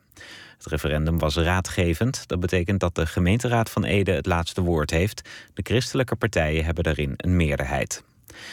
Premier Rutte voelt er niets voor om de plannen voor het nieuwe belastingstelsel nu al openbaar te maken, zoals de oppositie heeft gevraagd. Als je het stuk publiceert, wordt het kapot gescheurd, zegt hij. Onder meer CDA en SP hebben gezegd dat ze pas met het kabinet willen onderhandelen als het plan openbaar is. Geen achterkamertjespolitiek, zei SP-leider Roemer. Maar volgens Rutte heeft het plan alleen kans van slagen als het juist wel in achterkamertjes wordt besproken. Het kabinet heeft steun van een deel van de oppositie nodig voor een meerderheid in de Eerste Kamer. De komende dag houdt de Tweede Kamer een debat over de gang van zaken. Sint Eustatius wordt onder verscherpt toezicht gesteld van het Rijk. Het Caribische eiland moet van minister Plasterk binnen een week met een bezuinigingsplan komen. Sint Eustatius is sinds 2010 een bijzondere gemeente van Nederland. Het eiland met nog geen 4000 inwoners heeft een tekort van 900.000 dollar. En dat wordt nog eens nog veel meer als het bestuur zijn plan doorzet om de ambtenarensalarissen te verhogen. Plasterk maakt zich ook zorgen over de bestuurscultuur op het eiland. Zo heeft de gedeputeerde van Financiën zonder goedkeuring te vragen een familielid benoemd tot hoofd van de afdeling Financiën. Het weer. Vannacht is het helder. Het koelt af tot 9 graden. Daarna een zonnige dag met later in de middag wat stapelwolken. Maar het blijft droog. Door 22 tot 26 graden. Vrijdag kan het 30 graden worden. Met later op de dag kans op onweer. Dit was het NOS Journaal. NPO Radio 1. VPRO. Nooit meer slapen.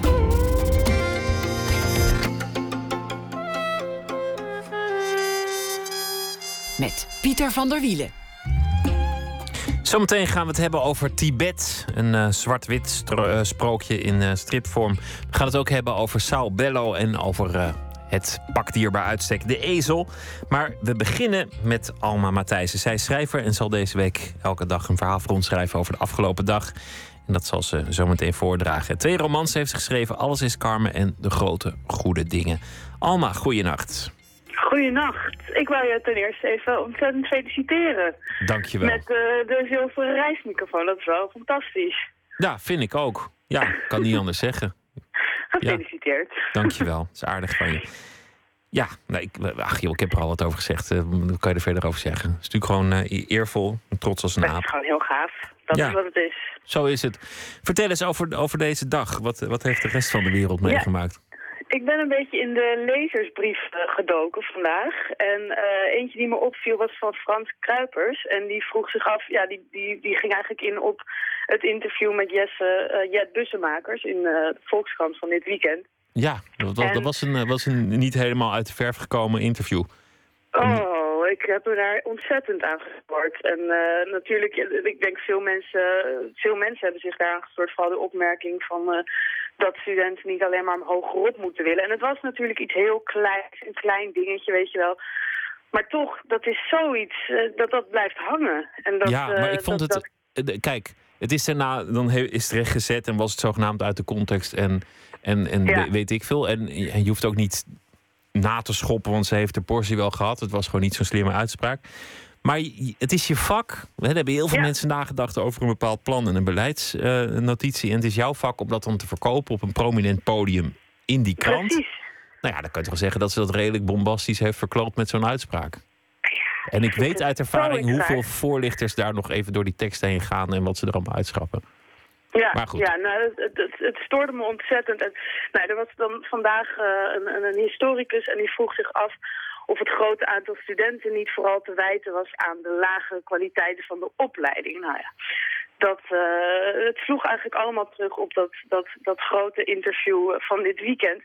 En daar heb ik een stuk over geschreven. Nou, ik ben benieuwd wat je erover eh, gaat zeggen. Ga je gang. Oké. Mama, ik wil later astronaut worden. De moeder van Senna smeerde een zuurdezenboterham met rabarberkompot. Nou, dat lijkt me niet zo'n goed idee, Sentje. Waarom niet? Ja, we hebben al op de maan gelopen. Wat valt daar nog te halen? Mars. Ik wil naar Mars. Dat is vreselijk gevaarlijk, Sentje. Vooral voor kinderen. Senna keek naar haar ontbijt. Op het glas sojamelk stonden druppels condens. Ik wil niet nu, mama, later, als ik weet hoe de ruimte werkt. Weet je wel hoe lang je daar moet studeren? 100 jaar, mama? Nee, korter. Maar misschien voelt het wel zo lang. Het was een zomerse dag waarop alle mensen in de zon wilden zitten. Waar ben je nou echt goed in? Vertel dat aan mama. Mm, Borstelen. Ik kan snuitje heel goed borstelen. Precies. Misschien moet je dierenverzorgster worden. Wat is dat? Nou, iemand die heel goed dieren kan verzorgen. Senna nam een grote hap van haar brood en probeerde de zure nasmaak niet te proeven door direct een slok sojamelk te nemen. Dan neem je een eigen winkel op de hoek van een straat met grote ruiten waar Senna op geschilderd is in krulletters. Elke dag komen er klanten met hun dier dat geborsteld moet worden. De baasjes en de dieren zijn blij als ze door jou geholpen zijn. Tussen duim en wijsvinger trekt Senna een sliertje rabarber uit haar tanden. Mama, ik weet eigenlijk niet of ze wel een dierenverzorgster nodig hebben op Mars. Dat was het. Zo. Het is, het, het is precies eigenlijk waar het over gaat. Want het- Ja. het is bij uitstek wat de mens tot, tot een, een rare soort maakt. Wij willen altijd hogerop.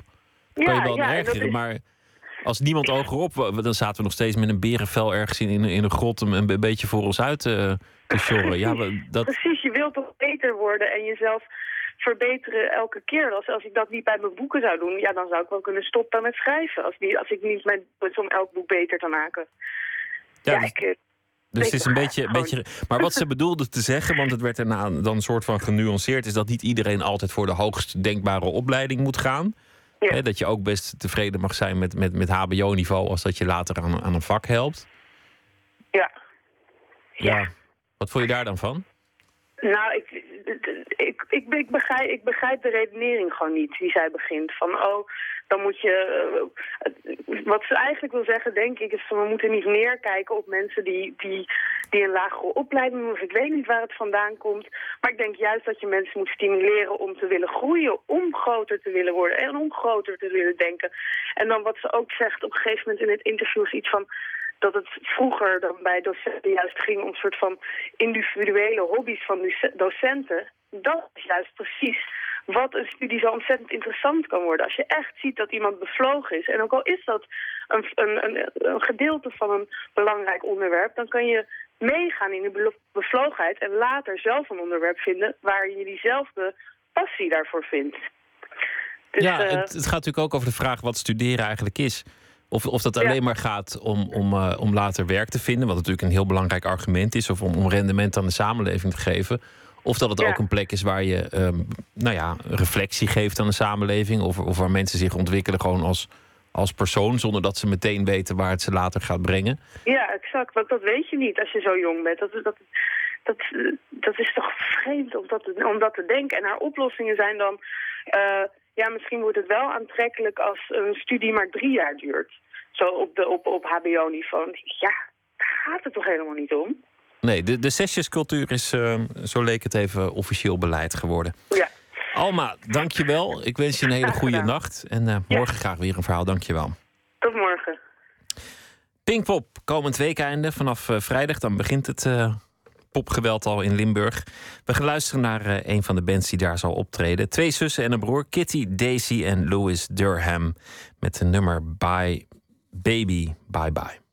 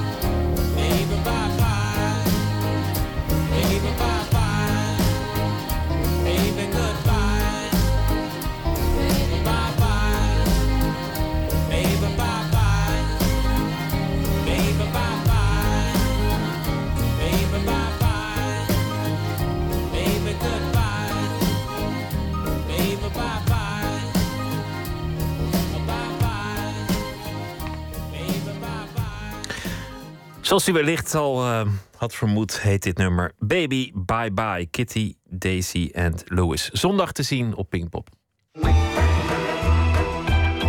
Nooit meer slapen. Tibet, de genezing van Musha de Slagers dochter. Het nieuwe album van Mark Hendricks. Mark Hendricks viel al eh, in de smaak met zijn graphic novels over Azië. Won er prijzen voor, de VSB Aanmoedigingsprijs... en drie keer de stripschapspending. Nu is er dus dat eh, nieuwe boek, Tibet. Een huiveringwekkend sprookje in zwart-wit. Het gaat over een slagersdochter die door Tibet reist met haar eh, buurvrouw... op zoek naar een lama die haar kan verlossen van een demon die in haar zou huizen. Een odyssee door de grimmige kant van Tibet is het. Waar hypocrisie en misbruik even grote gevaren vormen als boselfjes. Een verslag en een gesprek met Mark Hendricks door Floortje Smit.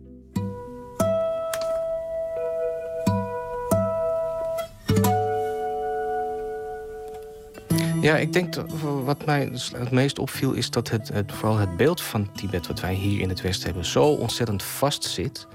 Zo alleen maar gericht op kloosters en lieve monnetjes. Dat eigenlijk alles wat je daarnaast laat zien, eh, dat past niet in ons beeld. Dit is tekenaar Mark Hendricks. Met zijn graphic novel Tibet wil hij dat beeld op zijn kop zetten. Zijn boek laat Tibet juist van zijn slechtste kant zien. Een zee van bolletjes, dus de monniken. Monniken die mensen misbruiken en manipuleren.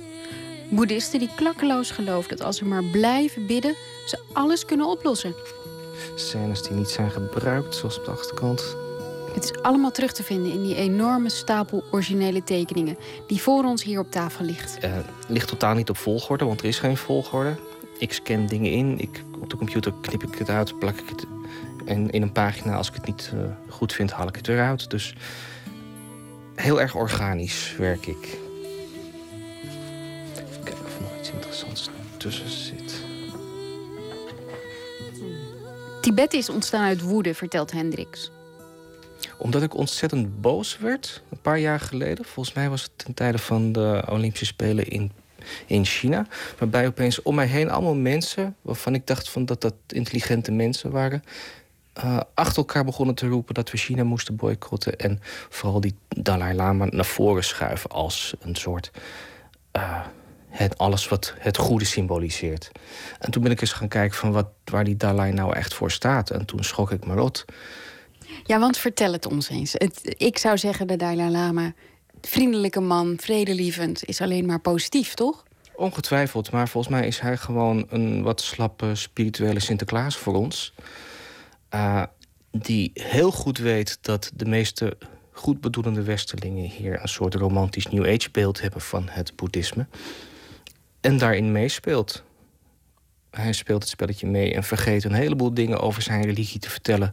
Uh, bijvoorbeeld het offeren van mensenhuiden, het opstapelen van schedels, uh, het, het rare Kalachakra-idee, wat de basis is van hun religie. Uh, Pedofilie.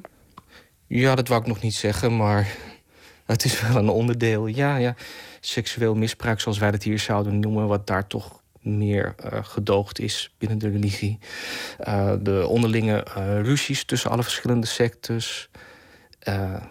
Dus het idee dat je hier in het Westen op een kussentje gaat zitten met een kopje thee en dan lekker gaat chill genieten van het leven, zodat je straks weer verder, tegen, verder kan gaan met het leven. Dat is dus totaal niet de bedoeling.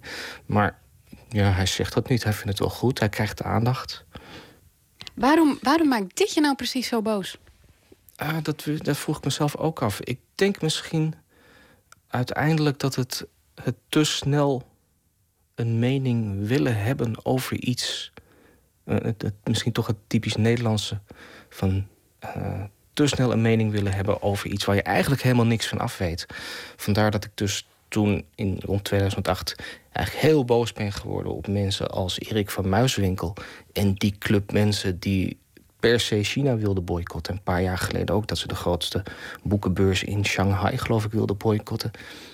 Terwijl mijn beste vrienden zijn Chinees, die vroegen van. Eh, eh, nooit gehoord van die boycott en waarom. En, en het is vooral, denk ik, dat, dat snelle oordelen van Nederlanders. Eh, vooral dan met een, regio die ik interessant vond. Waarvan ik dacht van, maar jij zegt nu iets wat totaal nergens op slaat. En dat, daar is uiteindelijk mijn woede naartoe gedraaid. En niet eens zozeer op de Dalai. Tibet speelt zich af in de jaren 50 van de vorige eeuw. Hendricks vertelt het verhaal van een slagersmeisje dat gelooft dat ze bezeten is door een demon. Met haar buurvrouw gaat ze op zoek naar een lama die haar kan helpen. Een tocht voert langs kannibalen, bosdemonen, godinnen en zelfverklaarde godheden. Steeds meer gaat het boek lijken op een koordstroom waarin religie, magisch realisme en werkelijkheid door elkaar heen gaan lopen.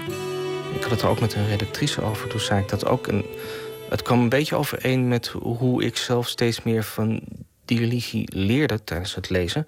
Het begon eigenlijk vrij simpel van oh, boeddhisme, oh, dat is Boeddha, dat is die lieve dikke man die daar zo zit. Dan blijkt het helemaal niet te zijn. En hoe verder je dus wegzakt in die Tibetaanse religie, hoe idioter het eigenlijk wordt met allemaal kleine elfjes en slangen, monsters. En dus ik, ik, het volgt een beetje mijn, ja, mijn studie eigenlijk van afgelopen jaar. Het wordt steeds krankzinniger. Ik, ik las laatst, uh, eergisteren, een, een, een recensie van mijn boek. Daarin stond van, het, het is een kolde, kolderieke reis... die, twee, perso die uh, twee personen maken. En toen dacht ik van, ja, maar al die kolderieke elementjes... dat zijn echte Tibetaanse religieuze stukjes. Hoe doe je dit eigenlijk? Is het, want ik zie, ik zie blauwe lijntjes, dus je hebt ergens wel een soort opzetje gemaakt? Ja, uh, lichtblauw gebruik ik om inderdaad een hele grove opzet te maken. Deze zie je, deze strook, deze tekening is niet afgemaakt. Je ziet heel vaag wat. En dit is, verder komen mijn schetsen ook eigenlijk niet. En dan met grote, zwarte, met, uh, grote zwarte vlakken een landschap opzetten... en dan met wat kleinere pennen en penselen bijwerken. Er zijn denk ik drie of nee, vier verschillende versies geweest van mijn verhaal. Waarbij mijn eerste versie echt bijna een soort Geert Wilderiaans protest was. Alleen maar een aanval. Echt, elke tekening was een aanval op de Dalai en het uh, romantische beeld van Tibet wat we hadden. En daar werd iedereen moe van. Volgens mij mijn uitgever werd er moe van. Ik werd er moe van. Uh, dat heb ik een paar keer veranderd. En ik moet ook zeggen dat toen ik daarmee begon... Uh, het gevoel had dat ik enorm bezig was met blasfemie. Want de Dalai was toen net zoals bijvoorbeeld Nelson Mandela... Uh, iemand waar je absoluut geen kritiek op mag hebben. Want hij staat voor mensenrechten, vrijheid, democratie. Dus daar stel je geen vragen over. Het heeft me moeite gekost om eigenlijk een soort slapstick-versie van Tibet te kunnen maken. Dus ook plassende Tibetanen, poepende monniken, dat soort dingen. Waarvan wij denken van ja, dat, dat mag hier, dat mag niet.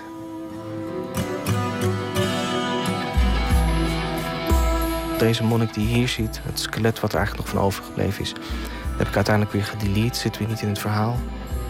Het is, ja, het, het is heel erg plakken, knippen, organisch kleien. Als het me niet bevalt, haal ik het eruit. Ben je er geweest? Nee.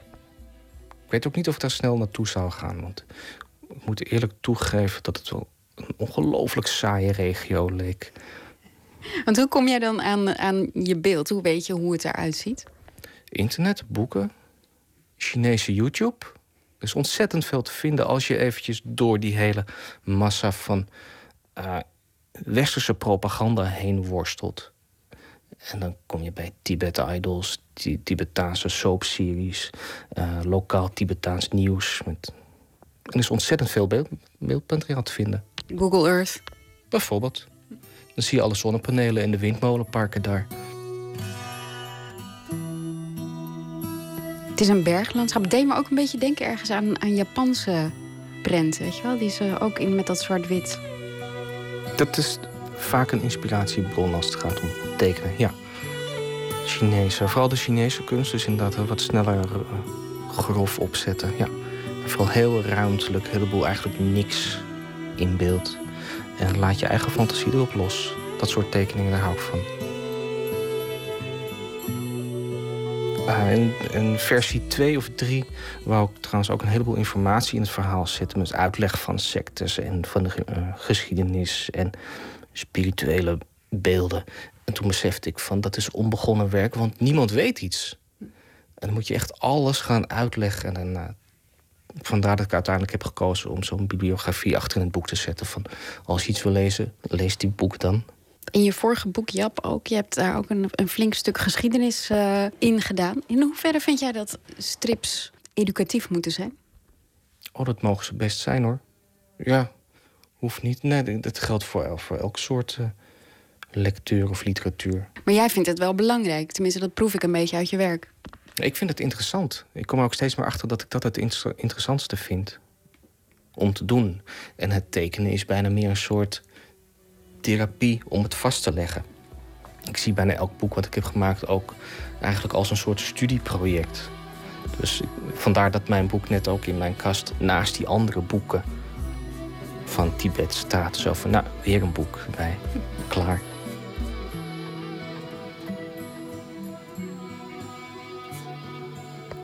Tekenaar Mark Hendricks over zijn boek Tibet, uitgegeven door Scratch Books, nu in de winkel. Een verslag van Floortje Smit was dat.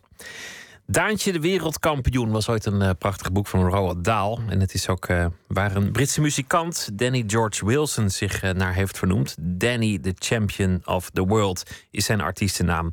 We gaan luisteren naar een nummer van zijn zesde album met de titel What Kind of Love.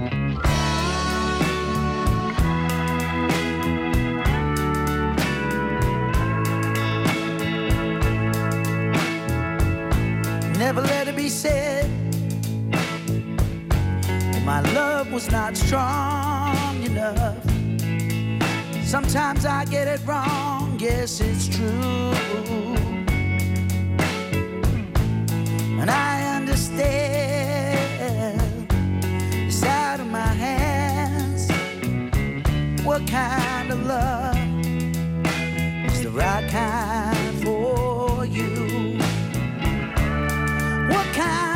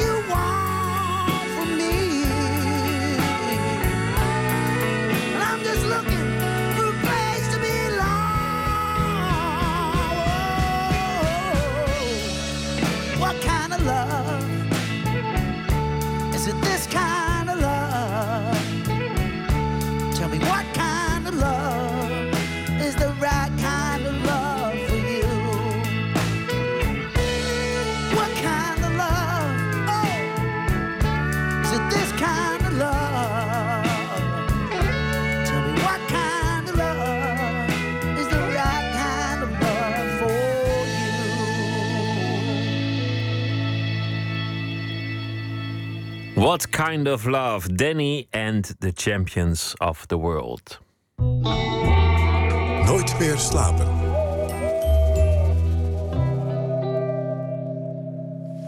Vandaag, 100 jaar geleden, werd hij eh, geboren. Een legende in de literatuur, Saul Bellow. 10 juni 1915 geboren in Quebec, in eh, Canada. Negen jaar later zou het zijn ouders lukken om het hele gezin binnen te smokkelen in de Verenigde Staten, in Chicago. Dankzij de onoplettendheid van de grenswachten. De jonge Saul bracht zijn vrije dagen door in de bibliotheek. En daardoor kon hij later een van de grootste schrijvers uit de Amerikaanse literatuurgeschiedenis worden. Anton de Goeie, goeienacht. Ja, goeienacht, Pieter. Anton de Goede, Eh, moet ik zeggen. Anton de Goeie, sorry hoor. Ja, de goeie, dat is geloof ik een... eh, Er was een keeper bij Feyenoord, geloof ik. Maar dat De Goeie heette die. De Oh, dat was de goeie. Nou, gaat weer lekker. Anton de Goede, goeie nacht. Ja. Sao Bello. Er is een verjaardag te vieren. De jarige zelf is er niet meer, maar ze boeken nog wel. En dat is Sol Bello. Die zou 100 zijn geworden op de kop af vandaag. En ehm, ja, de man van bijvoorbeeld Herzog. eh, If I'm out of my mind, it's all right with me. eh, zegt de hoofdpersoon uit dat boek... die eh, zijn vrouw is kwijtgeraakt aan zijn beste vriend. Een thema dat op papier een boeketreeksverhaal lijkt... maar Bello maakte er een geweldig boek van in 1964. Eh, een van de Nederlandse schrijvers die dol is op Sol Bello... nou ja, er zullen er vele zijn, is Joost Zwagerman... die meerdere keren over Bello publiceerde. Onder andere in eh, het tweedelige boek Americana terug te lezen. Daar staan al zijn stukken over de Amerikaanse literatuur... de pop, de film, de beeldende kunst... Ehm, ik ging vandaag vragen aan Zwagerman waarom Sol Bello tot op de dag van vandaag relevant is voor de lezers van nu. Heel veel maakt hem nog relevant. Eh, in zijn, op van zijn roem zei hij eens in een interview... wie mijn boeken wil begrijpen en doorvoelen... moet weten wie Aristoteles was... maar moet ook heel goed weten wie Arnold Schwarzenegger is. En met name dat laatste is natuurlijk heel pikant. Ik denk dat we in Nederland, eh, was hij nog in leven geweest... Harry Mulisch niet snel zouden hebben horen zeggen van... wie mijn boeken moet, eh, wil begrijpen, die moet vooral weten wie Plato was... maar ook wie Frans Bauer is, noem maar wat. Dat hoeven wij niet. Maar Sol Bello probeerde eh, een soort blauwdruk te geven van natuurlijk de karakters van zijn hoofdpersonen, maar ook van het Amerika waarin hij leefde. Hij wilde, zoals dat dan heet met een beladen term, ook het straatrumoer van Amerika laten doordringen in zijn romans. En die harteklop van de Amerikaanse samenleving, die is nog steeds zeer dwingend en verleidelijk en urgent voor de hedendaagse lezer van eh, het werk van Sol Bello. Dat verband is zijn beginzin van die onsterfelijke roman Oggy March, The Adventures of Oggy March, is bijna van zichzelf al legendarisch geworden. Dat is een beginzin, ja, die swingt en die, als een soort Jack Kerouac, maar dan iets nadenkender. Het begint als I am an American, Chicago born. I go at things as I have taught myself. Deep style, dat is bijna jazz in een achterzaaltje in New Orleans, maar dan in woorden. Dus Sol Bello was alles. Hij was van de universiteit, hij was van eh, de straat, hij was van het landschap in Amerika, het onmetelijke landschap, maar hij was ook en vooral van hectische stadsleven. Al dus Joost Zwagerman over Sal Bello. Een mooie typering. Niet alleen de boeken zijn, zijn nog steeds eh, mooi, maar, maar ook de interviews met Sal Bello. Dat hoorden we net al Ja. in de analyse van Zwagerman. Hij zei soms eh, interessante dingen of pittige dingen. Ja, het is leuk. Op, ik, op, op YouTube bijvoorbeeld is een fraai interview te vinden uit 1987. Gemaakt rond het uitkomen van zijn roman More Die of Heartbreak.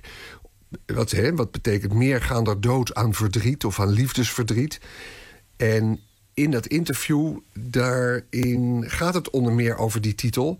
In het boek, zo horen we Bello dan vertellen, zit een dialoog tussen iemand die een wetenschapper ondervraagt over de gevolgen van de nucleaire ramp in Tsjernobyl. En die wetenschapper die zegt dan: ja, mensen kunnen wel protesteren tegen kernenergie, maar liefdesverdriet kost uiteindelijk meer levens dan nucleaire straling. En in het fragmentje dat we nu klaar hebben staan, hoor je Bello antwoord geven op de vraag van de interviewer, die dan vraagt: maar gaat de natuur dan niet kapot door radioactiviteit? Sol Bello. Well, nature may fall apart. There's nothing that mankind can do about that. But in the meantime, since it preoccupies people only subliminally, so to speak, uh, what they are really preoccupied with are they, their own uh, sufferings and difficulties, uh, which um, which kill vast numbers of people about whom nobody nobody says anything. And uh, my scientist says, if there were uh, if there are many people protesting heartbreak as there are protesting radioactivity, Washington could never hold them. Ook mooi dat, dat ingehouden gegrinnik.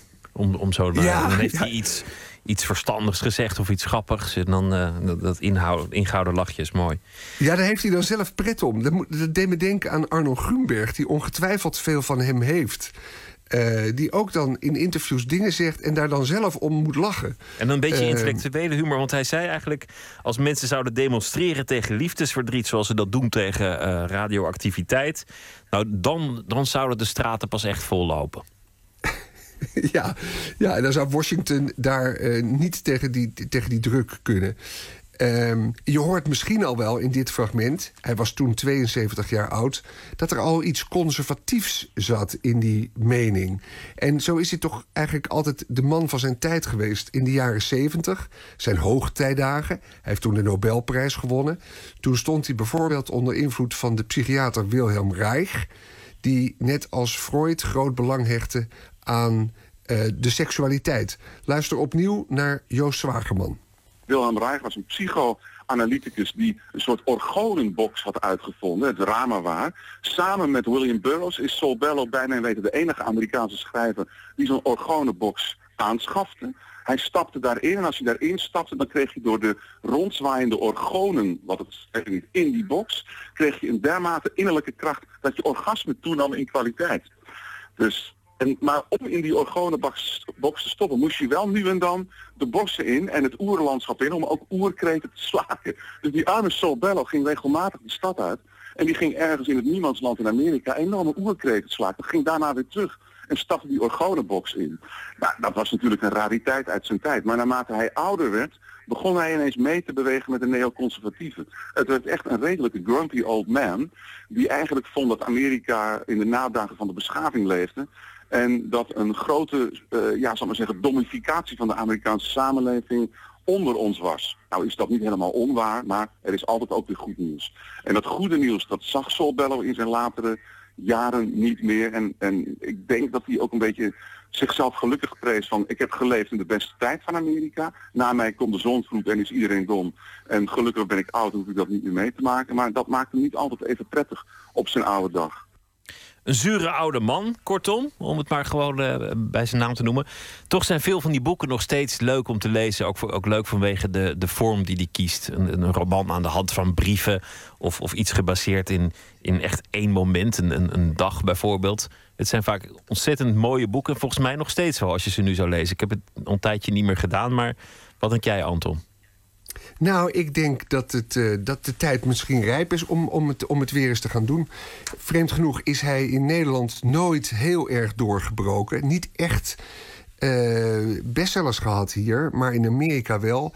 En in Amerika wordt nu ook heel erg veel over hem gediscussieerd... naar aanleiding van een nieuwe biografie van een Zachary Leder, moet je geloof ik zeggen. The Life of Saul Bellow. En ja, bijvoorbeeld dat boek Herzog, dat dus gaat over een man die bedrogen is door zijn vrouw, die vreemd is gegaan. Ehm, het blijkt dat eh, hij zelf enorm promiscu was en eh, de ene affaire na de ander had. En eh, nou ja, in Amerika wordt dan gediscussieerd van... is dat dan erg? Doet dat eh, afbreuk aan zijn reputatie? Worden zijn boeken daarvan minder geloofwaardig? Nou ja, veel stof eh, doet dat opwaaien. Maar die boeken die staan als een rots. En ja, als je Joost hoort, Joost Zwagerman... dan wil je ze weer lezen en dan wil je daar Ja. weer induiken. En trouwens ook een rare redenering dat, dat iemand zijn overspel, zijn, zijn boeken minder lezenswaardig zou zijn. Ik bedoel, als, je, als, je, als dat een criterium was, dan zou je geen literatuurlijst meer vol krijgen gezien het eh, gedrag van veel schrijvers. Zo is het. Dankjewel, Anton de Pieter, Goede. ja. Goeienacht. Condon, die muziek maakte onder de naam Beirut, is eh, hersteld van een eh, depressie en een lange periode van oververmoeid zijn. Na de zomer zal een nieuw album eh, komen. Het titelnummer daarvan is er nu al. De titel is No No No.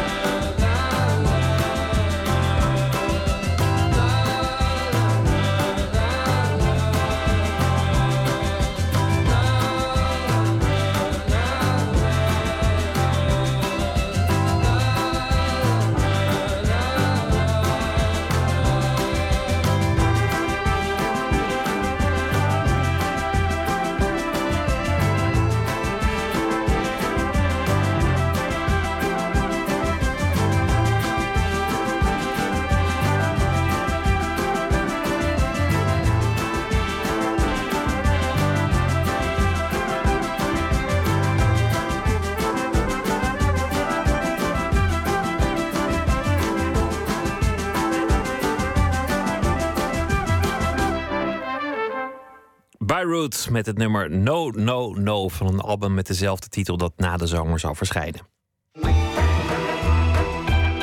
Nooit meer slapen.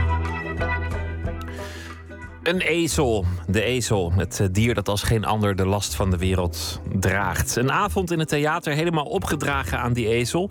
Met ezeldichters, ezelmuziek, een ezeltekenaar en ezelkenners. Kortom, een culturele verkenning van de ezel. Matthijs Deen die was erbij. Hij kwam diep onder de indruk van de ezel naar buiten.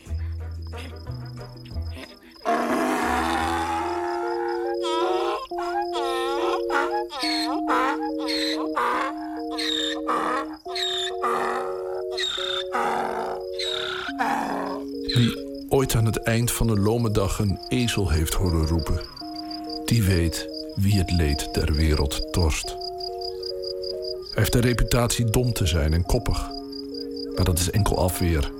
De ergernis, de spot, het is allemaal verhulde deernis. De ezel raakt ons. Zijn aanmächtige klacht geeft stem aan wat er eigenlijk diep in onszelf huist. We lachen als we het horen, maar eigenlijk snikken we mee.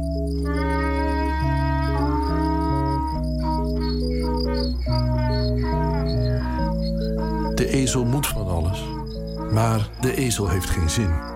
Daarom wordt hij zo vaak geslagen. Het is niet verwonderlijk dat de ezelin als een van de twee sprekende dieren uit de Bijbel niet meer weet uit te brengen dan: Wat heb ik u gedaan dat u me al drie keer geslagen heeft?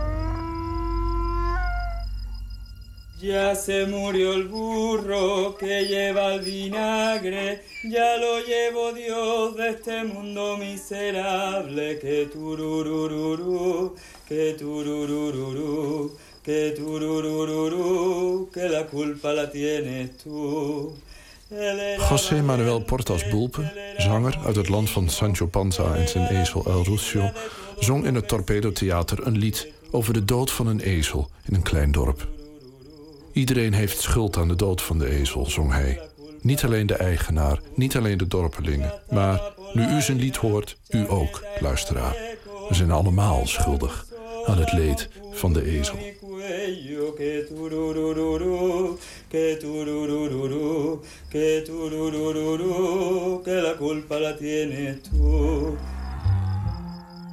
Wie in de harten van de mensen afdaalt, die krijgt er gauw door dat velen eigenlijk onder de spot de ezel claimen. Niet alleen de Spanjaarden, maar ook de Grieken, de Balkanlanden, twee stromenland, de Persen, de Ieren, de Engelsen met overtuiging en met nog grotere overtuiging de Berbers van Noord-Afrika. Mijn opa was in het bezit van een merrie. Rauda in het Berbers. Ezel, erjoer in het Berbers. En een muilezel. Schrijver Aziz Aynan, die in Torpedo Theater vertelde over de muilezel van zijn opa, een Berber uit Marokko, die reserveerde de diepst gevoelde lyriek toch voor de ezel. De zwarte ezel, die zwarte heette, werd ingezet voor eenvoudige, maar gewichtige klussen. Voor de boodschappen, de twee dagelijkse waterdienst en het ophalen van bruidjes. Toen mijn moeder trouwde, werd ze ook op een zwarte ezel naar mijn vaders huis gereden. Het wit van haar trouwjurk en het zwart van de ezel moet er in die adembenemende omgeving beeldschoon uit hebben gezien. Gedurende de zomervakanties hoorde ik regelmatig de ezel en de merrie terugkomen in de dagelijkse taal. Er werd over hen gesproken alsof ze deel uitmaakten van de familie. En in zekere zin deden ze dat ook. Twee hadden ook invloed op de spreektaal. De ezelmetafoor werd gebruikt voor een dommor, hardhoofd, doorzetter en voor de grootgeschapenen onder ons. De lijst met historische en literaire ezels is lang. Ze droegen profeten en heiligen, Maria, Jezus, Mohammed. Ze vergezelden romanfiguren en vorsten. Ze hobbelden naast Don Quixote. Ze spartelden in de armen van reven. Ze sprongen op de benen van Shrek. Ze hielden zich verscholen in de leeuwenvel van Aesopus. Ze heten Jacco, Jafour, Ior, Edouard, Francis. En dan zijn er nog die talloze ezels zonder naam. Zoals de metgezel van de Persische volksheld Nasreddin. De vader van Nasreddin, dat was nou bijna een heilige. Nou, heilige is misschien een groot woord, maar een man die voor een mooie tempel moest zorgen. Eentje die gebouwd was voor... Nou, daar lag een heilige. Hè? Dat was een plek waar de pelgrims naartoe kwamen om te... En Nasreddin was er ook in het Torpedo-theater. In een verhaal van de Iranese verhalenverteller Saheb Divani. Die vader van Nasreddin die wist dat er een dag komt dat zijn zoon dat van de vader gaat overnemen. Zijn Nasreddin. Maar Nasreddin is nog jong en de vader die kan het werk nog aan. Dus hij zegt, Nasreddin, als jij nou eens de wereld intrekt... en als jij nou eens een beetje... Ja, gewoon gaat genieten van het leven. eh, verschillende talen leert, verschillende culturen leert kennen. En dan komt er een moment dat jij terugkomt en bij mij in Konya deze tempel overneemt. En de vader van Nasreddin, die koopt dan voor Nasreddin zijn eerste ezel.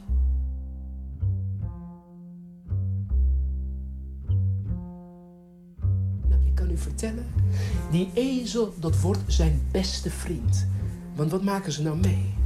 Een reis die Nasreddin voert vanuit het Ottomaanse Rijk, zo door Perzië en dan nog verder Centraal-Azië, Afghanistan, de Hindoekushbergen, ga zo maar door.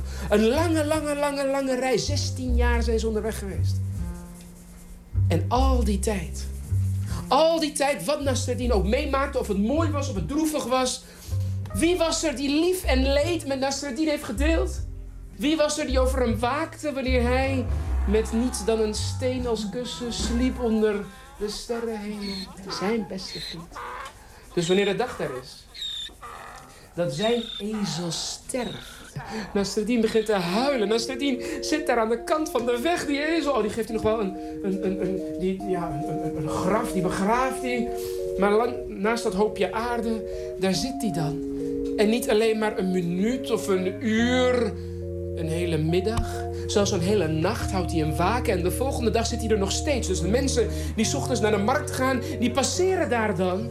Deze jonge man die daar in diepe droefenis zit. En wanneer ze terugkomen van de markt, dan zit hij daar nog steeds. En er komt een moment dat ze tegen elkaar zeggen... er moet vast een heel belangrijk iemand in dat graf liggen. Dat deze jonge kerel daar al die tijd trouw blijft rouwen.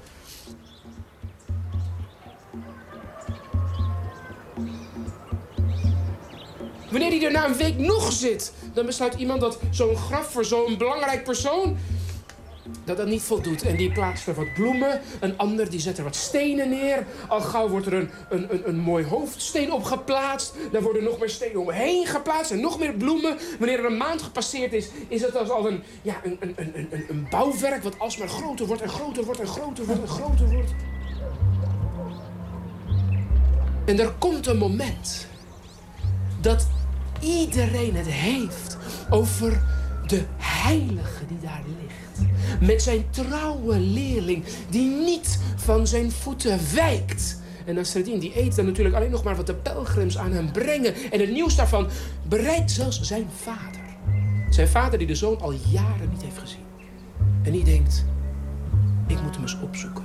Mijn zoon is volwassen geworden. Mijn zoon die heeft de wijsheid gevonden. Die heeft een leermeester gevonden. Een leermeester die, die nog steeds trouw is. En vol trots reist hij naar de tempel van Nasreddin.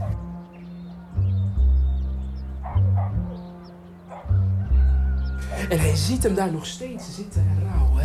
En hij zegt, zoon van me, wat ben ik blij dat ik je heb gezien. En vertel me, wie ligt daar? Ja, Nasreddin die kijkt eh, voor het eerst een beetje beschaamd omhoog naar zijn vader en, en zegt: Vader, ik, ik, ik moet u wat bekennen. Tegen u kan ik niet liegen. Hier ligt mijn ezel. De vader van Nasreddin kijkt hem aan en die begint te lachen. En die zegt: Zoon van me.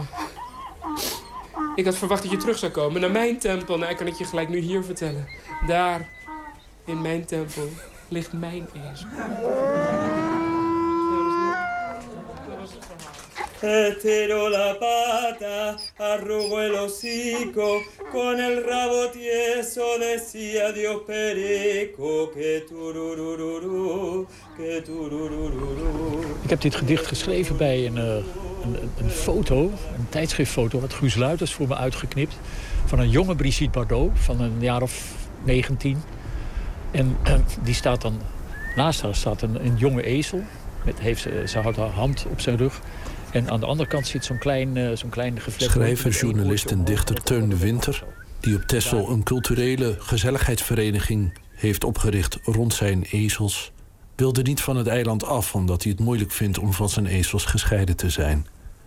Hij las omringd door zijn kudde in een videoboodschap in het Torpedo Theater. Een gedicht. Fabelezel. Klein kon ik al niet kiezen.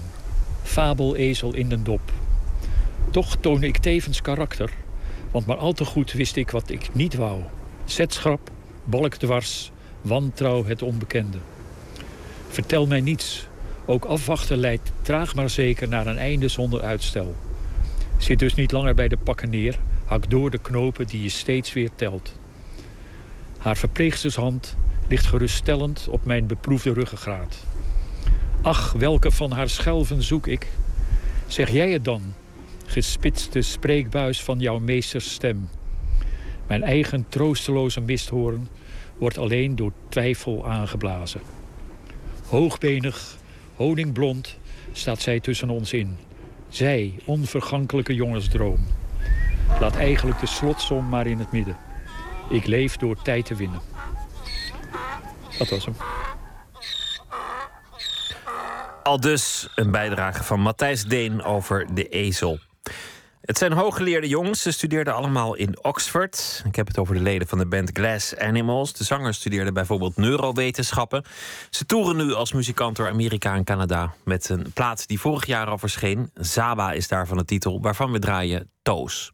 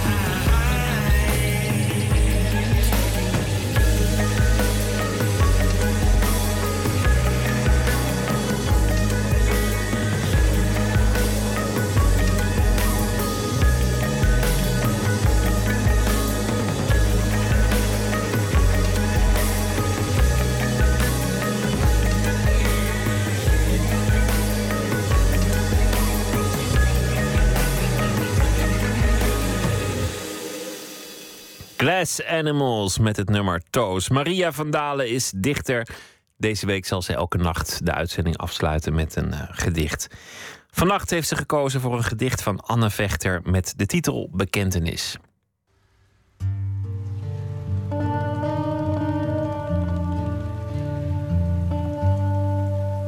Ik ga een gedicht lezen van Anne Vechter. Die is bij toeval nu onze dichter des vaderlands, maar ze is gewoon een hele goede dichter. Het is het gedicht Bekentenis uit de bundel Spamfighter. Die verscheen in 2007. Ik houd heel erg van dit gedicht. Waarom is dat zo? Bekentenis. Elk gedicht is een bekentenis. Dat je iets fout gedaan hebt, iets heel erg fout gedaan hebt. En dat je toch probeert om weer iets heel moois te maken. En dan slap van de lach. Als kinderen. Zo grappig is het soms. Bekentenis. Die snakt naar morgen en 24 uur bellen of versprekingen. En fluistert: Eén hoertje maar. Niets om je over op te winden, tenminste nog niet. De onvolmaaktheid gaat hem goed af.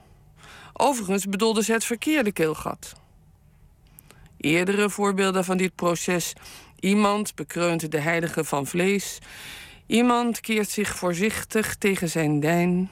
Iemand, beetje bang, te over.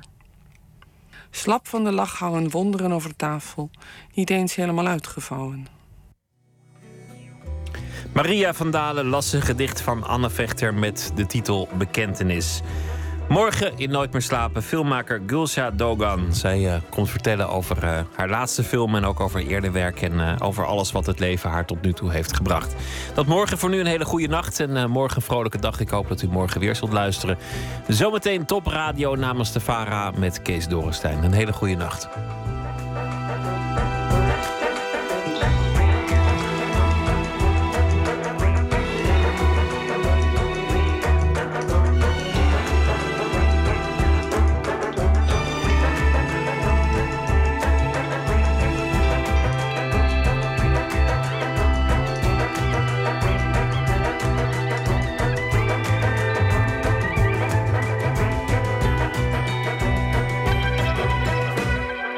Radio 1. Het nieuws van alle kanten.